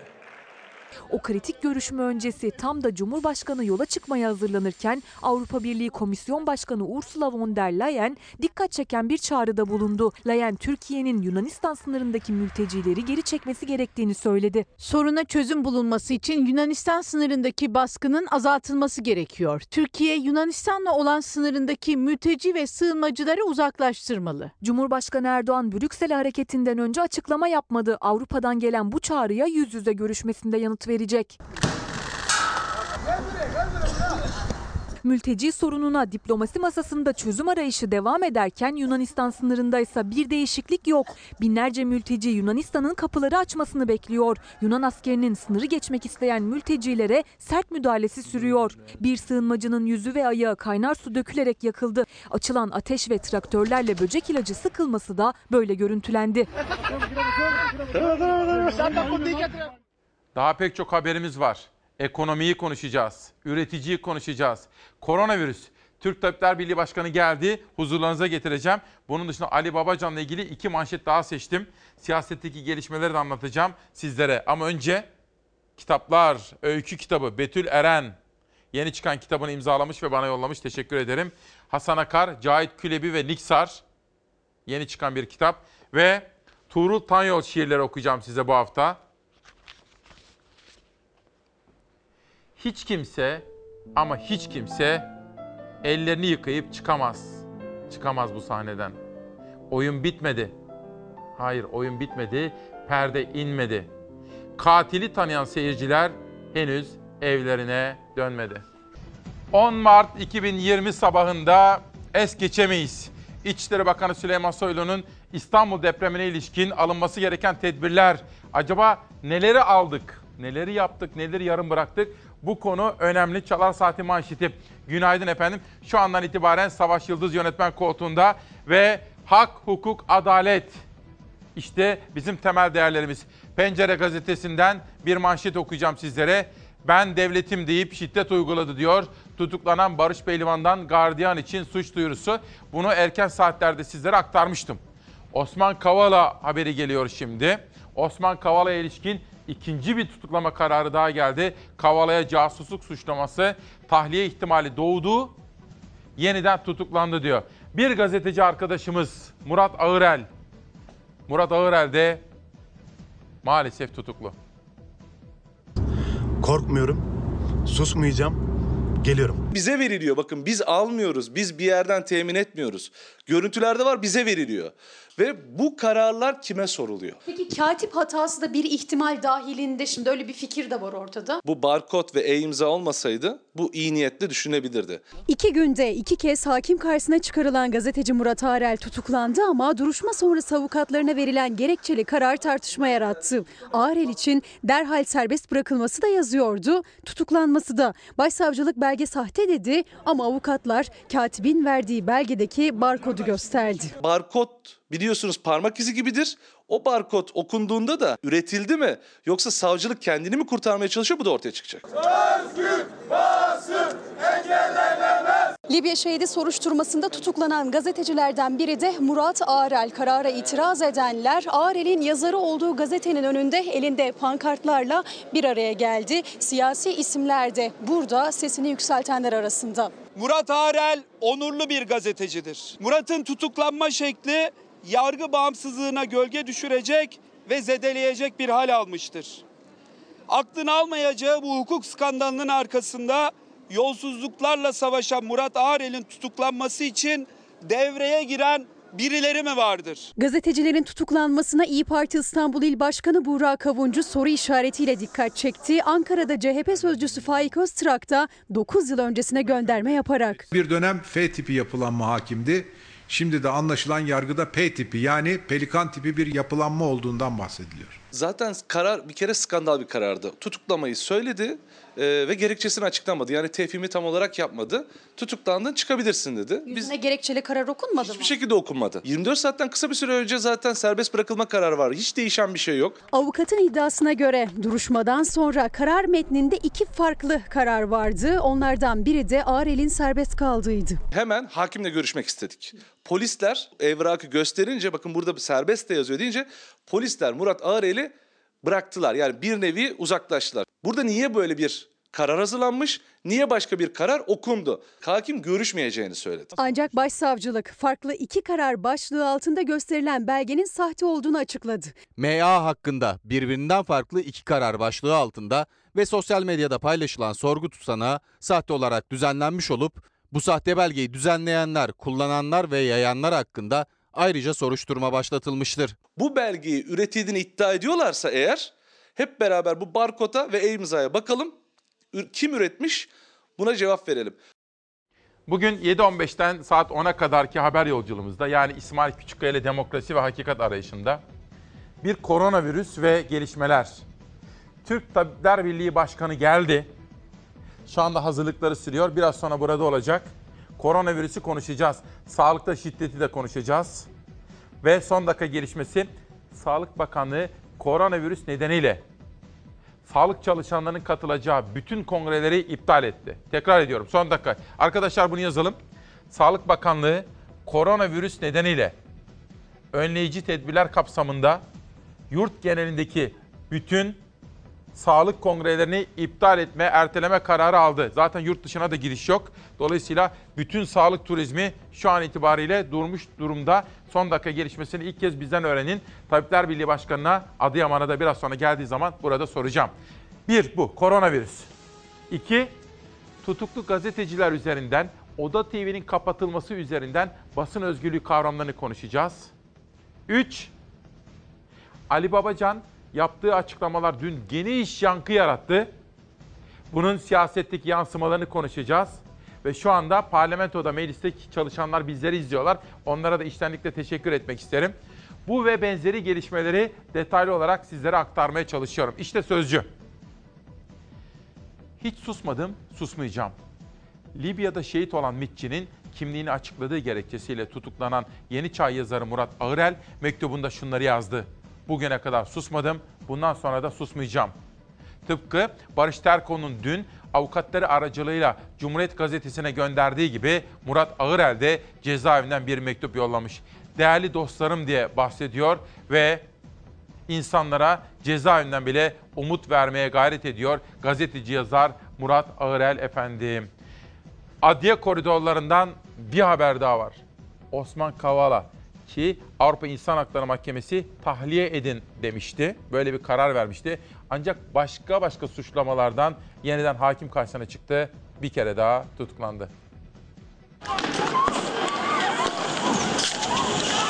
Osman Kavala siyasal ve askeri casusluk suçundan tutuklandı. Yargılandığı Gezi davasından beraat eden aynı gün tahliyesi beklenirken hakkında 15 Temmuz darbe girişimine ilişkin başka bir soruşturmadan gözaltı kararı alınan Osman Kavala tutuklandı. İstanbul 10. Sulh Ceza Hakimliği iş insanı Osman Kavala'nın tutukluluğuna casusluk şüphesi üzerinden karar verdi. Bunlar ciddi manada perde arkasında Soros türü bazı ülkeleri ayaklandırmak suretiyle oraları karıştıran tipler vardır.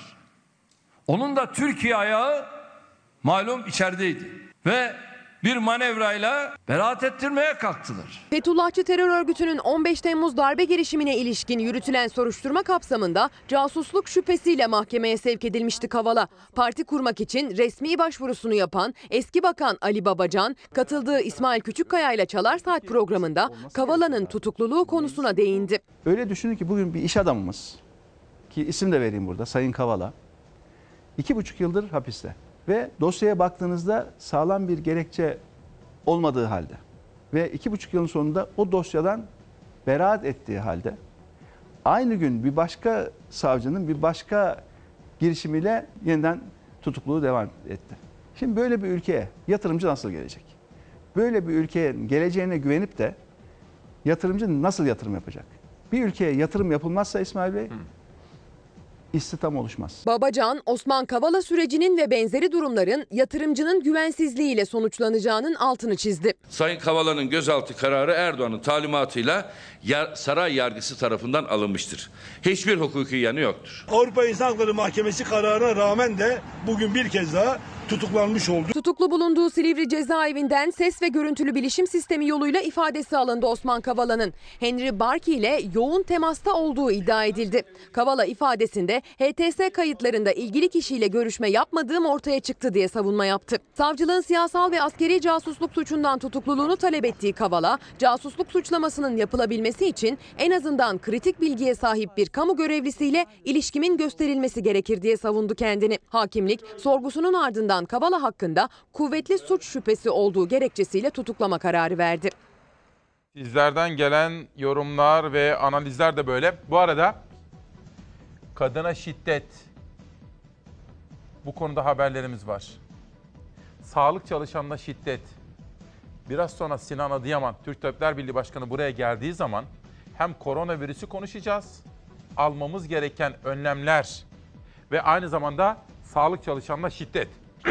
Sözcü Gazetesi'nin manşetiyle devam ediyorum. Yanındakilere ödül, karşısındakilere hapis. Can Özçelik imzalı bir haber. Fotoğrafa lütfen dikkatle bakınız. Örgüt elebaşını göreceksiniz fotoğrafta. Siz fotoğrafı okurken, e, izlerken, fotoğrafa bakarken ben de haberi sizler için okuyayım. FETÖ'nün kirli elleri ve kirli ruhu hala ortalarda dolaşıyor. Bir dönem FETÖ'nün ayağına gidip fotoğraf çektirenler şimdi önemli görevlere getiriliyor. Hainle mücadele edenler ise cezaevine atılıyor. İktidarın FETÖ ile mücadelesi lafta kaldı. Hatta bu FETÖ'nün ipliğini pazara çıkaran muhalif gazetecileri yok etmeye döndü. Örneğin 2012'de Pensilvanya'ya gidip FETÖ ile poz veren AKP'lilerden 5 milletvekili yapıldı. 5'i milletvekili yapıldı.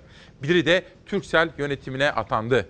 Öte yandan FETÖ ile mücadele edenlere operasyon başlatıldı. Yıllarca FETÖ tehlikesine dikkat çeken sözcü Cumhuriyet ve Oda TV hapse çarptırıldı. Gazeteci Barış Pehlivan, Barış Terkoğlu, Hülya Kılınç ve Murat Ağırel hap- hapse atıldı diyor. Şimdi bu haberi bu haberi Günün en çarpıcı bir başka manşetiyle birlikte okuyacaksınız. Şöyle. Çok konuşuyorum ya. Boğazım kuruyor. Yudum yudum ılık su içmem gerekiyor. Zaten çok su içmemiz gerekiyor. Ama şimdi efendim Sözcü'deki bu haberi unutmayınız. Günün çok konuşulacağını düşündüğüm bir manşetine geldi sıra. İhlas Grubu, Türkiye Gazetesi. Bir manşet atmış. Bugün bence çok konuşulur. Okuyalım. Türkiye Gazetesi ne diyor? Bu adamı kim koruyor? Rüşvetle dosyasını karartıp kurtulmaya çalışan FETÖ'nün kasası Ahmet Taçyıldız'ın kirli bağlantıları her şeyin özeti diyor. Böyle bir iddialı iddia manşeti atmışlar. FETÖ borsası sayesinde rahatça dolaşan Taç Yıldız'ın yüklü miktarda rüşvetle kapatmaya çalıştığı dosya gerçekleri ortaya dökecek. Bakın bu gazete İhlas grubunun, Türkiye gazetesinin biliyorsunuz hükümeti de destekleyen muhafazakar camiadaki bir grup. Ama böyle bir manşet atıyorlar bugün bence çok konuşulur. 15 Temmuz başarısız olunca yurt dışına kaçtı. Yüksek rüşvet verdiği polis müdürüne pasaportunu sorgulattı. Boğaz'da köşk karşılığı dosyasını kararttı. Rüşvetçi polis meslekten atıldı ama ona dokunulmadı. Çalık Gayrimenkul Yönetim Kurulu Başkanı Taç Yıldız FETÖ ile açık bağlarına rağmen hala iş başında. Oysa Taç Yıldız darbe sonrası FETÖ yayın organı zamanın imtiyaz sahibi eniştesi Ali Akbulut'la ABD'ye kaçmıştı. Taç Yıldız'ın bağı yoksa niçin kaçtı? İki yıl sonra yurda dönüp rüşvetle sümen altı ettirdiği dosyada ne var? Taç Yıldız'ın FETÖ'nün Orta Asya'daki kara parasını yönettiği de iddia ediliyor diyor. Haberin altına da bir bakarsanız Taç Yıldız'ın FETÖ şirketi Tarkim'le ortaklığı diyor. Yarın diyor. Yani aslında bir dizi habere başlamışlar. Demek ki yarın da bu iddialara devam edecekmiş Türkiye gazetesi. Çok konuşulur. Peki 8 Mart'a ilişkin erken saatlerde farklı haberlerden bahsetmiştim. Hatırlayacaksınız Nagihan Alçı da önce İstanbul Emniyet Müdürü Mustafa Çalışkan'ı aramıştı. Ve neden bu sert önlemlere başvurdunuz? Taksim'e neden izin vermediniz demişti. Mustafa Çalışkan da İstanbul Emniyet Müdürü. Ben İstanbul Emniyet Müdürüyüm. İçişleri Bakanımızın talimatı var. Kesin ve net bir talimat. Biz talimatlara uymakla mükellefiz demişti. Nagihan Alçı'nın köşesinde. Alçı daha sonra Soylu'yu aramıştı. Soylu da Türkiye'de ve İstanbul'da çok güzel etkinlikler de var. Onlara müdahale etmedik. Fakat bu Taksim ısrarı neden demişti ve sonrasında şu görüntüler ortaya çıkmıştı. Polisin dün İstanbul'da yaptığı bir müdahale değil doğrudan şiddet eylemiydi. Taksim Meydanı'nda yürümek isteyen kadınlarımıza yapılan sert polis müdahalesini buradan kınıyoruz. Kadınlar Günü'nde polisin kadınlara yönelik sert müdahalesi siyasette tepkiye yol açtı. Kesinlikle kınıyorum. Bunlar beklenen şeyler çünkü zihniyet değişmedi. İşte kadınlara şiddet. Ama İçişleri Bakanı, İçişleri Bakanı kadınlara düşman. Devlet de kadına şiddet uygulama konusunda maalesef erkeklerden geri kalmıyor. Muhalefet hep bir ağızdan polisin kadınlara sert müdahalesini eleştirirken İçişleri Bakanı Süleyman Soylu tepkilerin odağındaydı. Su var mı? Süleyman Soylu İçişleri Bakanı'nın da tavrı oldukça düşündürücü. Bir kadını zaten gözaltına alı- alıyor. Gözaltında götürürken dahi saçına yapışan, vuran bir polis görüntüsü var. Sloganlarla, ellerinde pankartlarla İstiklal Caddesi'ne gelen kadınlar alanda polisin müdahalesiyle karşılaştı. Yaşanan gerginlik sırasında 34 kadın gözaltına alındı. Olmaması gereken görüntüleri görüyorsunuz. Bu devirde görüyorsunuz. 21. yüzyılın Türkiye'sinde görüyorsunuz ve kadın haklarının öneminden bahsedilmesinin arkasından böyle bir zihniyet görüyorsunuz. Türkiye açısından utanç verici. Kadınlar günde kadın dövülür mü ya da kadın tartaklanır mı? Allah'tan korkun ya. Yani gerçekten de inanılmaz bir şey. 8 Mart'ta denk geldi bu ayıbımız. İlk defa yayınlanan fotoğraflarla Çanakkale cephe gerisinde savaş. Bakın Hisart bizzat bana bunu Hisart'ın kurucusu vermişti. Önemli bir eser. Başka da tanıtacağım kitaplar var ama Türk Tabipler Birliği Başkanı da huzurlarınıza getireceğim. Sözcü gazetesinde bir haber daha. Şimdi dün buraya İsmail Küçükkaya Demokrasi Meydanı'na katıldı. O kadar çok yerde alıntı yapılmış ki bugün. Gazeteler 12 ayrı köşe yazısında da söz konusu olmuş. Yani gündem oldu. Demek ki bir merak var, bir ilgi var. Hani bunun siyasi sonucu ne olur bilmem. Ama benim de telefonum dün gün boyu susmadı. Ali Babacan yargının halini böyle anlattı. Hakim ya sanığı hapse atacağım ya da kendim hapse gireceğim diyor.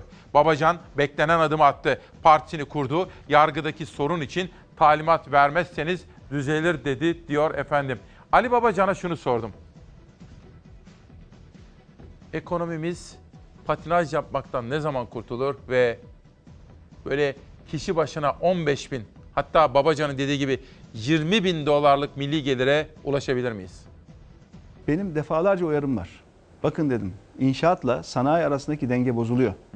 Bu emsal değişikliğiyle yapılan büyük rant projeleri, bu yüksek binalar var ya Evet. bütün şehirlerde bunlar çok ciddi rant oluşturuyor. Çünkü 10 katlık inşaat yapılacak bir araziye 30 kat hak veriyorsunuz ve o ilave hak tamamen paylaşılan bir rant haline geliyor. Bu kadar cazip bir ranta sanayicilerimiz bile gidip inşaat yapmaya başlayacak dedim. Sanayiye yatırım azalacak dedim. Bunların hepsinin uyarısını yaptık. Ve maalesef o dönemki o rant lobisi bizden daha farklı pozisyondaki e, siyasi iradeye sahip olan insanları da etkileyerek buna izin vermedi. Hepsini hazırladık. Peki. İmar rantını vergilendiren bir proje hazırladık. Değer artış vergisi getirdik. Dedik ki buradaki rantlar eğer vergilendirilmezse bütün kaynaklar inşaata akacak. Şu anda büyük şehirlerin tamamında boş binalar var. Yazıktır, günahtır. Milyarlarca dolar bu ülke borçlandı ve o borçlanan para bir bakıma işte betona, demire yığıldı ve şehirlerimizin de görüntüsü bozuldu. Yeşil azaldı, beton çoğaldı şehirlerde. Zamanında eğer bizim önerdiğimiz gibi, bizim uyardığımız gibi tedbirler alınabilseydi bugün ne bu ekonomik kriz olacaktı ne de boş binalar görecektik. Çok daha fazla sanayi görecektik. Çok daha fazla ihracat göre- görecektik. Türkiye eğer eğitimdeki kalitesini yükseltemezse, Türkiye eğer insanlarını daha iyi yetiştiremezse, bu insanlar daha yüksek katma değer üreten insanlar olmazsa bu ülkenin ekonomik büyümesi yavaşlayacak. Temel mücadele özellikle devlet açısından baktığımızda devlet kadrolarının ehliyet ve liyakat bazlı oluşması. Bu kadar. Çok basit yani.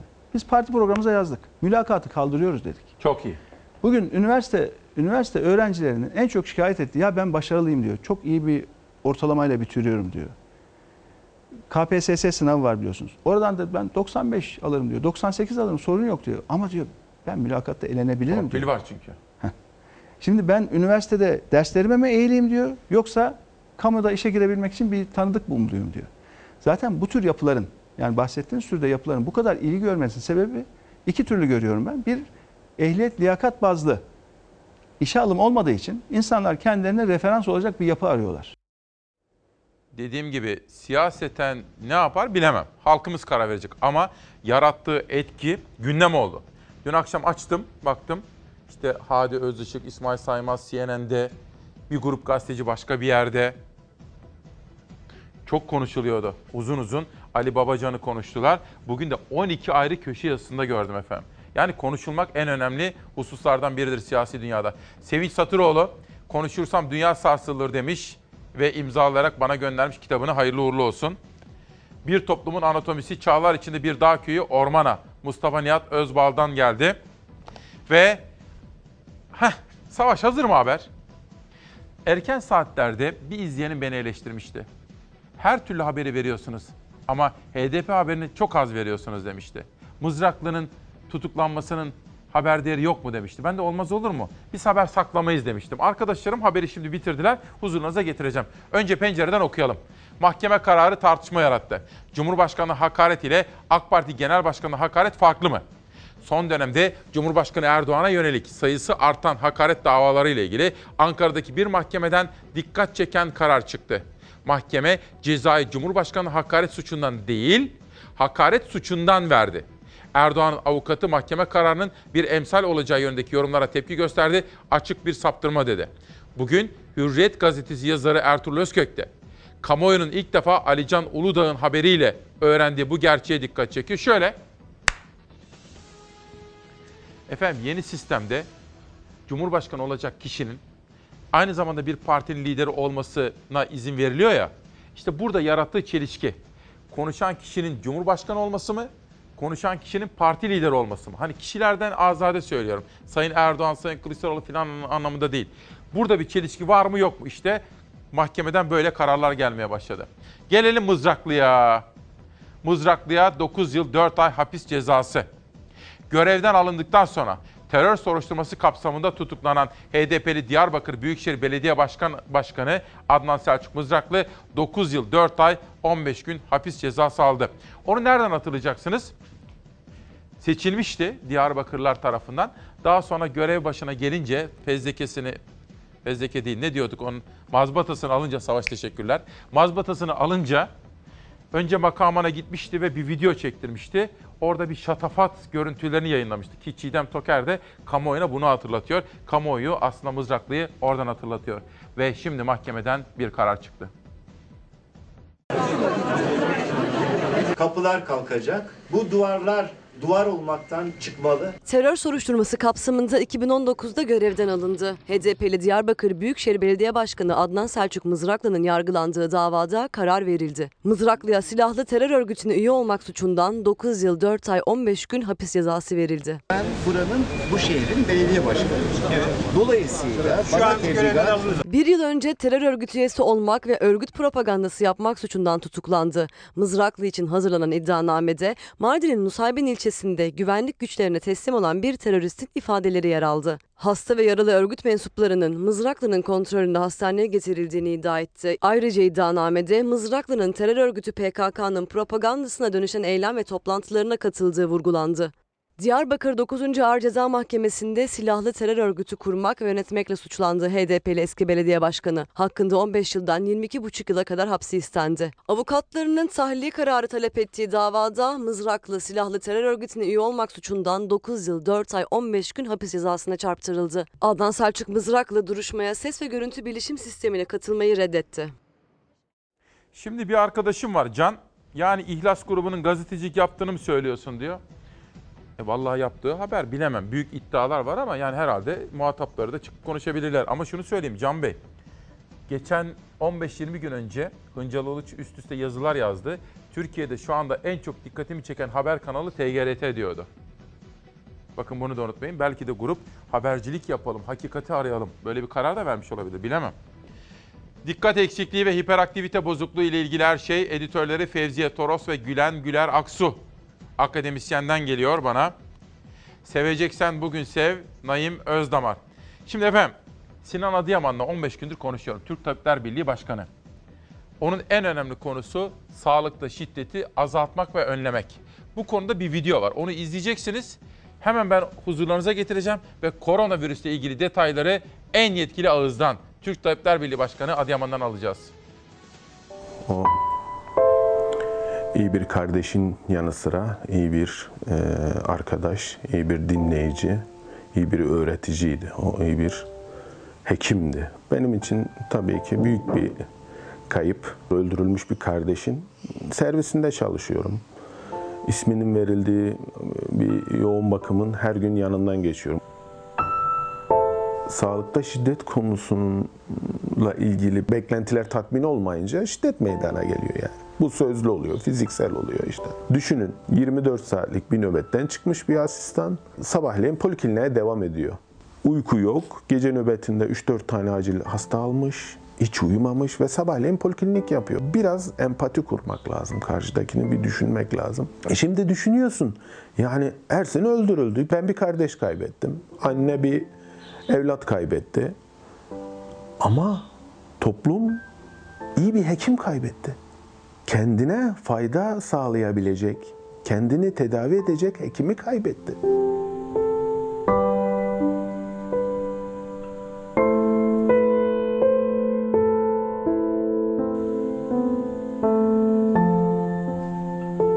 Ersin'e karşı duygularım tabii ki sonsuz sevgi. İçimden bir şey çağlardı ona karşı.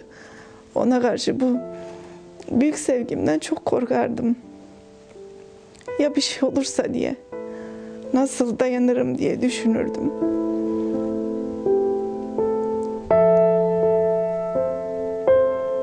Bir şekilde dayanılıyormuş ama. Boşluğu çok büyük oldu.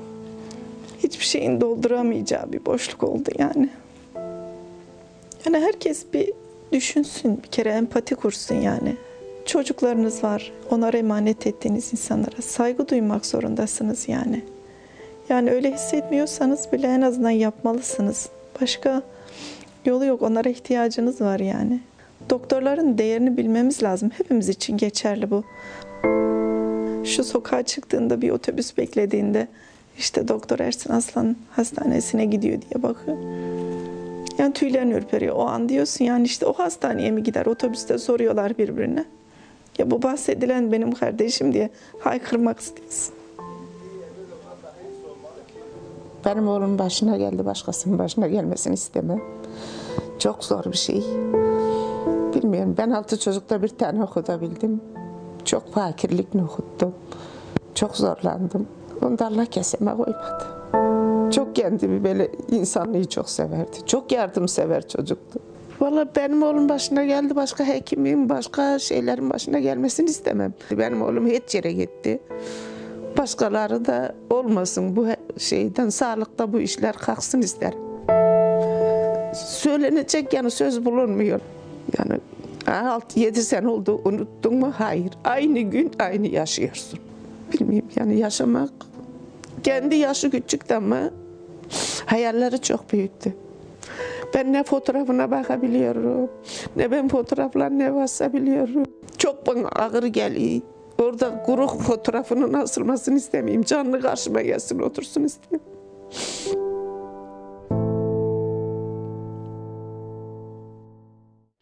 Ne kadar acı. Şimdi dün de haberlerde gördüm ajanslarda Bafra'da, Samsun'un Bafra ilçesinde de yine bir sağlık çalışanına 10 kişi saldırıyor ve dövüyorlar onu. Hasta yakınları. Sağlıkta şiddet. Türk Tabipler Birliği Başkanı Sinan Adıyaman geldi.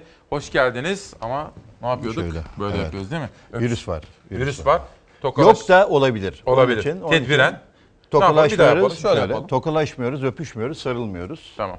Çünkü mikrop kolayca Evet. geçiyor o zaman değil mi? Ben size e, Türk Tabipleri Birliği'nin bir e, yayınını getirdim. 43 yıldır yayınlanıyor. Toplum ve Hekim Dergisi. Tamam. Şu anda e, editöründe Profesör Doktor Onur Hamzaoğlu yapıyor. Toplum sağlığı açısından gerekli olan birçok kıymetli, değerli makale e, yayınlanıyor. bu Üstelik dergide. ücretsiz bu. Evet. Tamam. Çok teşekkür ediyoruz. Efendim Sinan Adıyaman bütün doktorların en üst düzey meslek örgütünün başında. Ve bizim için Ankara'dan atladınız geldiniz size çok teşekkür ediyorum.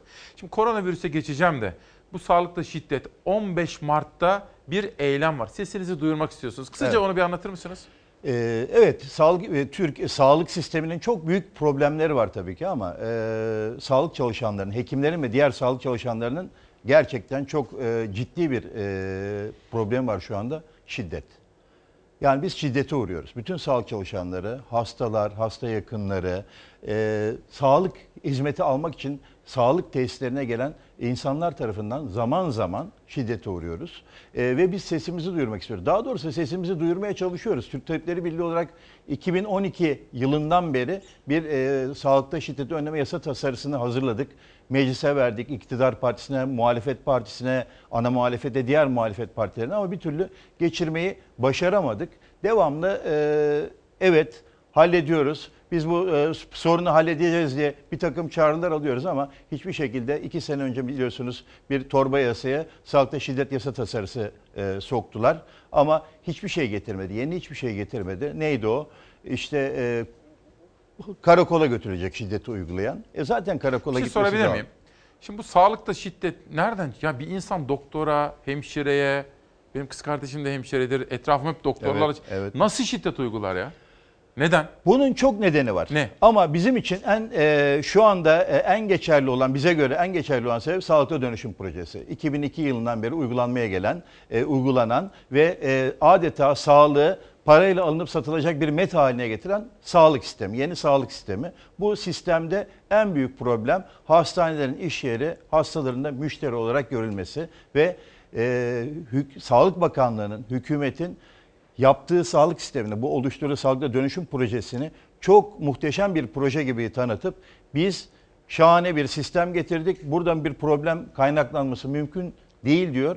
Hastalar tabii ki bu sistemden kaynaklanan bir takım sorunları görünce de bu e, şeyine, e, öfkesine, bu yetersizliği e, hekimlere ve diğer sağlık çalışanlarına, hemşireler, diş hekimleri, e, bütün e, sağlık çalışanlarına, sağlık personeline e, e, e, koyuyorlar ve dolayısıyla sağlıkta şiddet ortaya çıkıyor. Şimdi pazar günü eylem nerede?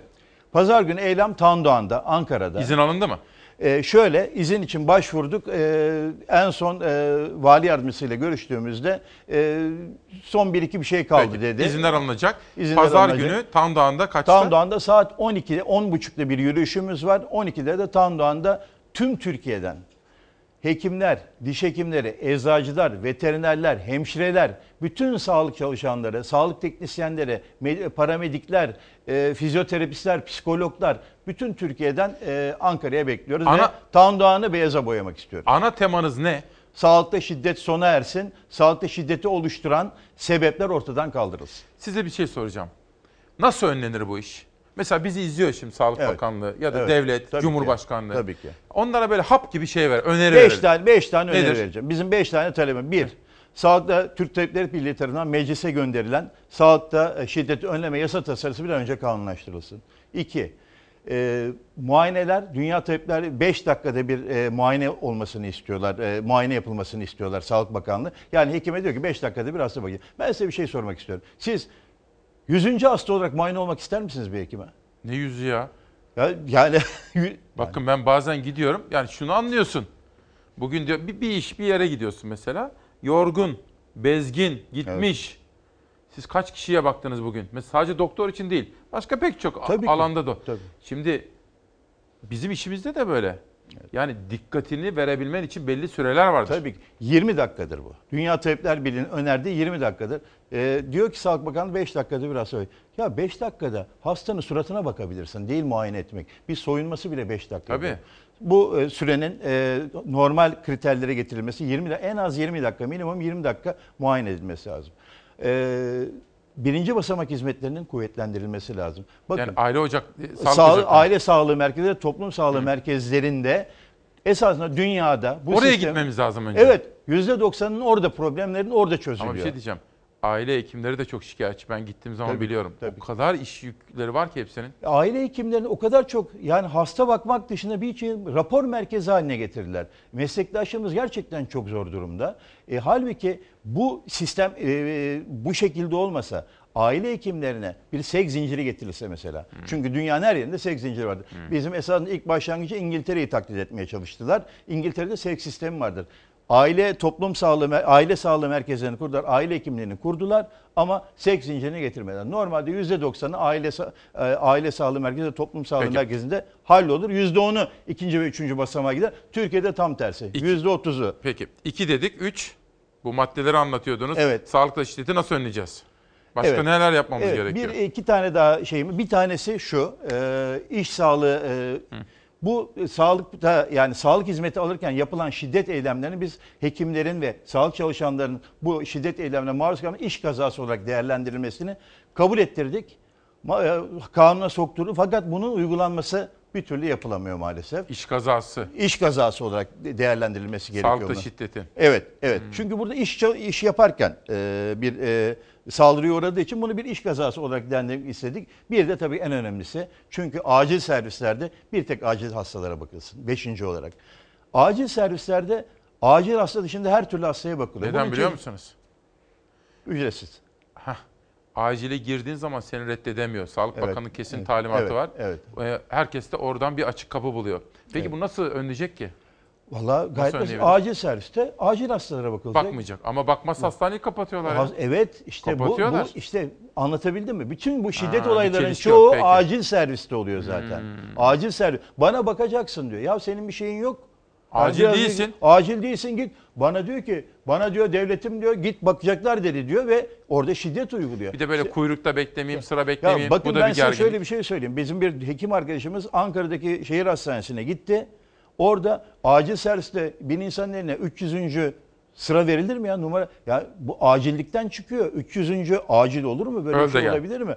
Çünkü onun önüne bir yeni acil olmayan hasta almışlar Peki. falan. Bu konuyu takip edeceğim. Teşekkür ediyorum. Bu konuda duyarlılık ve farkındalık geliştireceğiz. Herkesi bekliyoruz. Şimdi bütün Türkiye şunu merak ediyor. koronavirüs var ya. Şimdi koronavirüs Türkiye'de gerçekten yok mu? Ya da biz yorum yapıyoruz ya burada. Akşam Fatih de ben de yapıyorum. Sağlık Bakanı iyi kriz yönetimi yapıyor. Doğru mu? Sizin yorumunuz ne? Ee, Sağlık Bakanı e, Bu konuda. bu konuda e, yapması gerekeni yapıyor.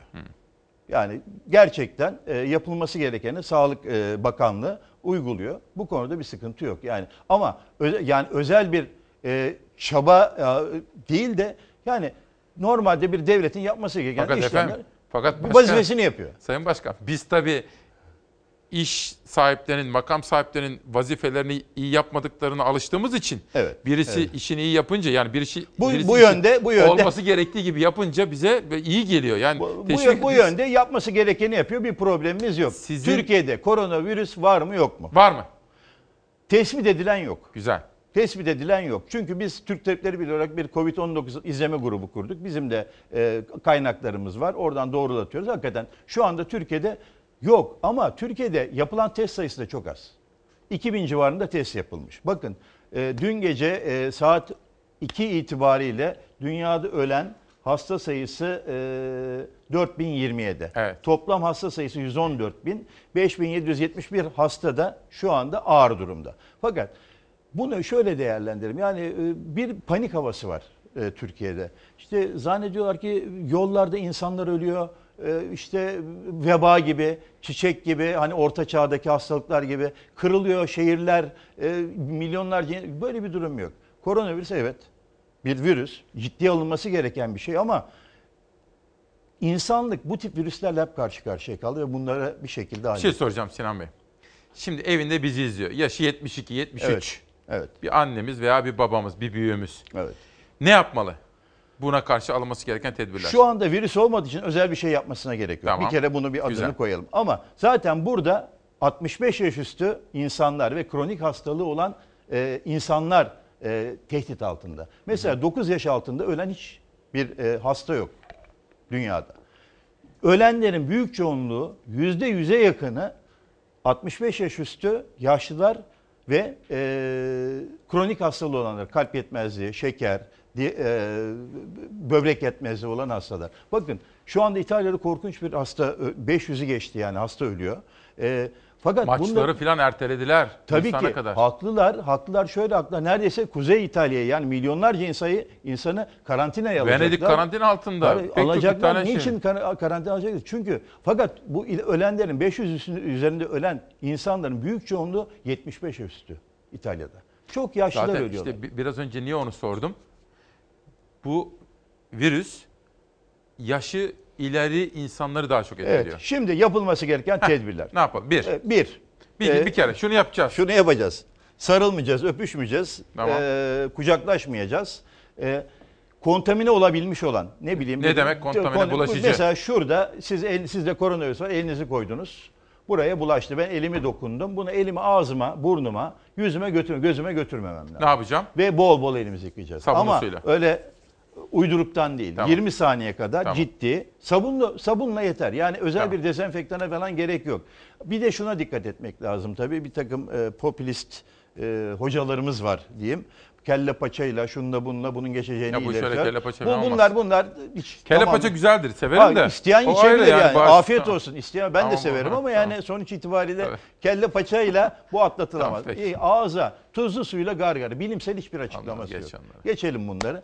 Ne Şöyle, yapacağız? Ben şuna inanıyorum. İyi besleneceğiz değil mi? İyi besleneceğiz, spor yapacağız. Kendimize iyi bakacağız. Yani immün sistemimizi kuvvetli Bağışıklığımızı. tutacağız. Bağışıklığımızı kuvvetli tutacağız. Ondan sonra da gereken tedbirler alacağız. Bir dakika. Savaş, bir görselimiz vardı. Şimdi siyasilerin de örnek olması lazım Sayın Başkan.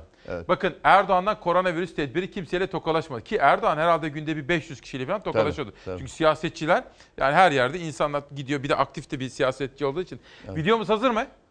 15 saniyelik bir video. Bence bütün siyasiler örnek almalı.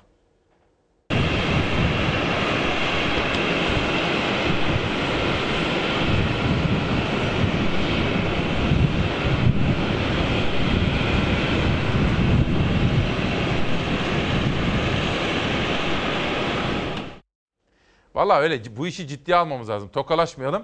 Şimdi son bir sözünüz var mı tokalaşma ile ilgili? Sonra bir de şiddeti bir daha dönmek istiyorum. Valla e, panik yok. Tamam. Yapılması gerekenler yapılıyor. Tamam. Gerçekten şu anda tespit edilmiş virüs yok Türkiye'de ama Türkiye'de bu hastalık olmadığı anlamına gelmiyor. Girmiş olabilir. Bu yayılıyor, yayılacak da olabilir ama diyelim ki İstanbul'da 100 tane koronavirüs vakası oldu. Ya bunun için paniğe kapılmamak lazım. Güzel, Hakikaten paniğe güzel. kapılmamak lazım. Bak ne Zaten güzel, sağduyulu anlatıyorsun, Gerekli izolasyon böyle karantina alınırsa e, bu konuda da Sağlık Bakanlığı'yla bir e, biz gerçi Sağlık Bakanlığı bu konuda işbirliği önerdik bir mektup yazdık ama ona da cevap almadık. Gerçi- Almadınız mı? A- alamadık Vallahi maalesef alsın ama bak buradan bizi izliyor Sağlık Bakanı. Evet, evet, Çünkü evet. bizi izliyor. Yani görüşsün. Ne Perşembe bilgiler- gününe randevu vermiş. Hah tamam. Ben e, birazdan Beni oku- bilgilendirir misiniz? Tabii ki. Tabii ki. Tabii ki. Ee, beraber işbirliğiyle? Ya hakikaten ya benim telefonum yüzlerce defa çalıyor. E, tabii. Türk Tabipleri Birliği'nin merkezi yüzlerce. Çünkü daha yani Türk Tabipleri Birliği'nin bir inandırıcılığı var. Yani ne oluyor? Saklanıyor E mu? Ya efendim- saklamak mümkün değil. Biz de onu söylüyoruz. Ha. Yani bakanlığın bunu saklaması mümkün değil. Dünya Sağlık Örgütü'nden saklayamazsınız. Çünkü bir yerde bir kümelenme olur. Bir hasta artar. Bir şey olur. Yani bunu çok rahat şey yapabiliriz. e, görebiliriz. Yani bunu saklayacak bir şey yok. Aksine bilim adamları diyorlar ki enfeksiyon. Yani neredeyse bilelim. Görelim, Önleyelim. önleyelim, karantina altına alalım, izole edelim. Yani bu şekilde. Ha Türkiye'de olabilir. Çünkü en büyük e, faktör İran. İran. İran bize geç haber verdi. Dünyaya geç haber verdi. Ölümler olduktan sonra hala ne kadar hasta oldu, kaç kişinin öldüğü konusunda yeterli bilgi verilmediği düşünülüyor. E, İran'dan Van biliyorsunuz gidiş gelişler çok fazla ki. Gerçi durduruldu şimdi ama. Evet bir de bir şey söyleyeceğim. Ee, bir tek Ankara'da yapılıyordu bu testler ama şu anda Erzurum ve İstanbul'a alın. Biz başından beri söylüyoruz bunu. Erzurum, şey İstanbul, Van, Antalya, İzmir, Adana gibi yerlere de e, yapılsın bu testler. Çünkü bu testlerin acele yapılması gerekiyor. Teşhisin acele konulması gerekiyor. Peki. Şimdi çok teşekkür ediyorum. Şu sağlıkta şiddeti bir kere daha altını çizelim. Çünkü biz hayatın her alanında şiddeti Evet. önlemek istiyoruz. Son cümlelerinizi şiddetle ilgili alalım. Biz bu e, 15 Mart Pazar günü Ankara'da Town'dan halkın sağlık hakkı için toplanacağız. Hekimlerin yaşam hakkı için, sağlık hakkı için toplanacağız. İnsanların yaşam hakkı için toplanacağız. Ve bütün e, sağlık çalışanlarını ve bütün yurttaşları yani hastalarımızı da oraya davet ediyoruz. Çünkü bu sadece bizim problemimiz değil. Bizim bir e, şiddet görmemiz hastalarımızı da etkiliyor. Buradan da bir çağrı yapmak istiyorum. Perşembe günü e, Sağlık Bakanı Fahrettin Koca bizi e, sağlık birlikleriyle beraber e, kabul, Kabul edecek ediyor. 5'inde, e, saat 5'te, akşam 5'te. Biz kendisine bu pazar e, mitingde 12.30'da Tandoğan'da görmek istiyoruz. Bizle beraber bu şiddeti çünkü o da kendisi de bir, Bir şey hekim. söyleyeyim mi? Bak Sayın Başkan, Sağlık Bakanı burada iyi kriz yönetimi yaptı ya. Muazzam bir takdir topladı. Ben onun yerine olsam ne yaparım biliyor musunuz? Sizinle birlikte gelirim pazar günü. Ya sağlıkta şiddete hayır. Böyle kolunuza girerim Evet, öpüşmeden. öpüşmeden. Böyle yürürüm. Valla O kadar bekliyoruz. büyük bekliyoruz. ki. Bekliyoruz kendisini ve bir an önce de şu Peki. kanunun çıkması için çaba sarf etmesini Peki, çok istiyoruz. teşekkür ediyorum. Sağ olun. Ankara'daki üzere. doktor arkadaşlara selamlar. Aleyküm Müsaade selam. eder misiniz efendim? Ben konumu uğurlayayım. Günü kapatmak üzere huzurlarınıza geleceğim. Evet efendim bu sabahta işte böyle yoğun bir gün ve gündem bizimleydi. Bütün ekip arkadaşlarıma ne kadar teşekkür etsem azdır. Doğan Şentürk yönetimindeki Fox Haber'in gücü her zamanki gibi arkamızdaydı. Bu sabah bana yönetmen koltuğunda Serdar Erdoğan ve Savaş Yıldız eşlik etti. Editörüm Zeray Kınıcı vardı. Ezgi Gözeger, Zafer Söken, Beyza Gözeyik, kurgu servisi, reji, kameralarda bakın şurada Yunus kardeşim var, Adanalıdır. Şurada Mümin kardeşim var, Eskişehirlidir. Stajyer arkadaşlarımız var, Murat Can, Sude, onlar eşlik ettiler. Dışarıda beni asiste eden, sürekli besleyen, dün konuştuğum, uzun uzun konuşup beni de aynı zamanda yayın sırasında da besleyen Nihal Kemaloğlu var. Ona bütün ekip arkadaşlarıma teşekkür ediyorum. Yan tarafta isimlerini de tek tek göreceksiniz. Bugünü de kitaplarla kapatalım. Ali Rıza Malkoç, Güzergah Arayışı diyor. Eski köye yeni adet. Hakan Mengüç, hiçbir karşılaşma tesadüf değildir. Kader insandan vazgeçmiyor. Öyle değil mi? Bu dünyada tesadüf diye bir şey yoktur. Osman Öztürk, Ada ile Efe depremde güvende. Zafer Okur'un resimleri ve haftanın şairi Tuğrul Tanyol. Gören insan olmalıyız. Baktığımızda görmeli, yaşadığımızda unutmamalı. Şair benim bu anlattığımı bakın nasıl şairane anlatıyor. Bakıp da görmeyen insanlarla çevrili. Bakıp da görmeyen insanlarla. Görüp de unutan, unutkan insanlarla çevrili.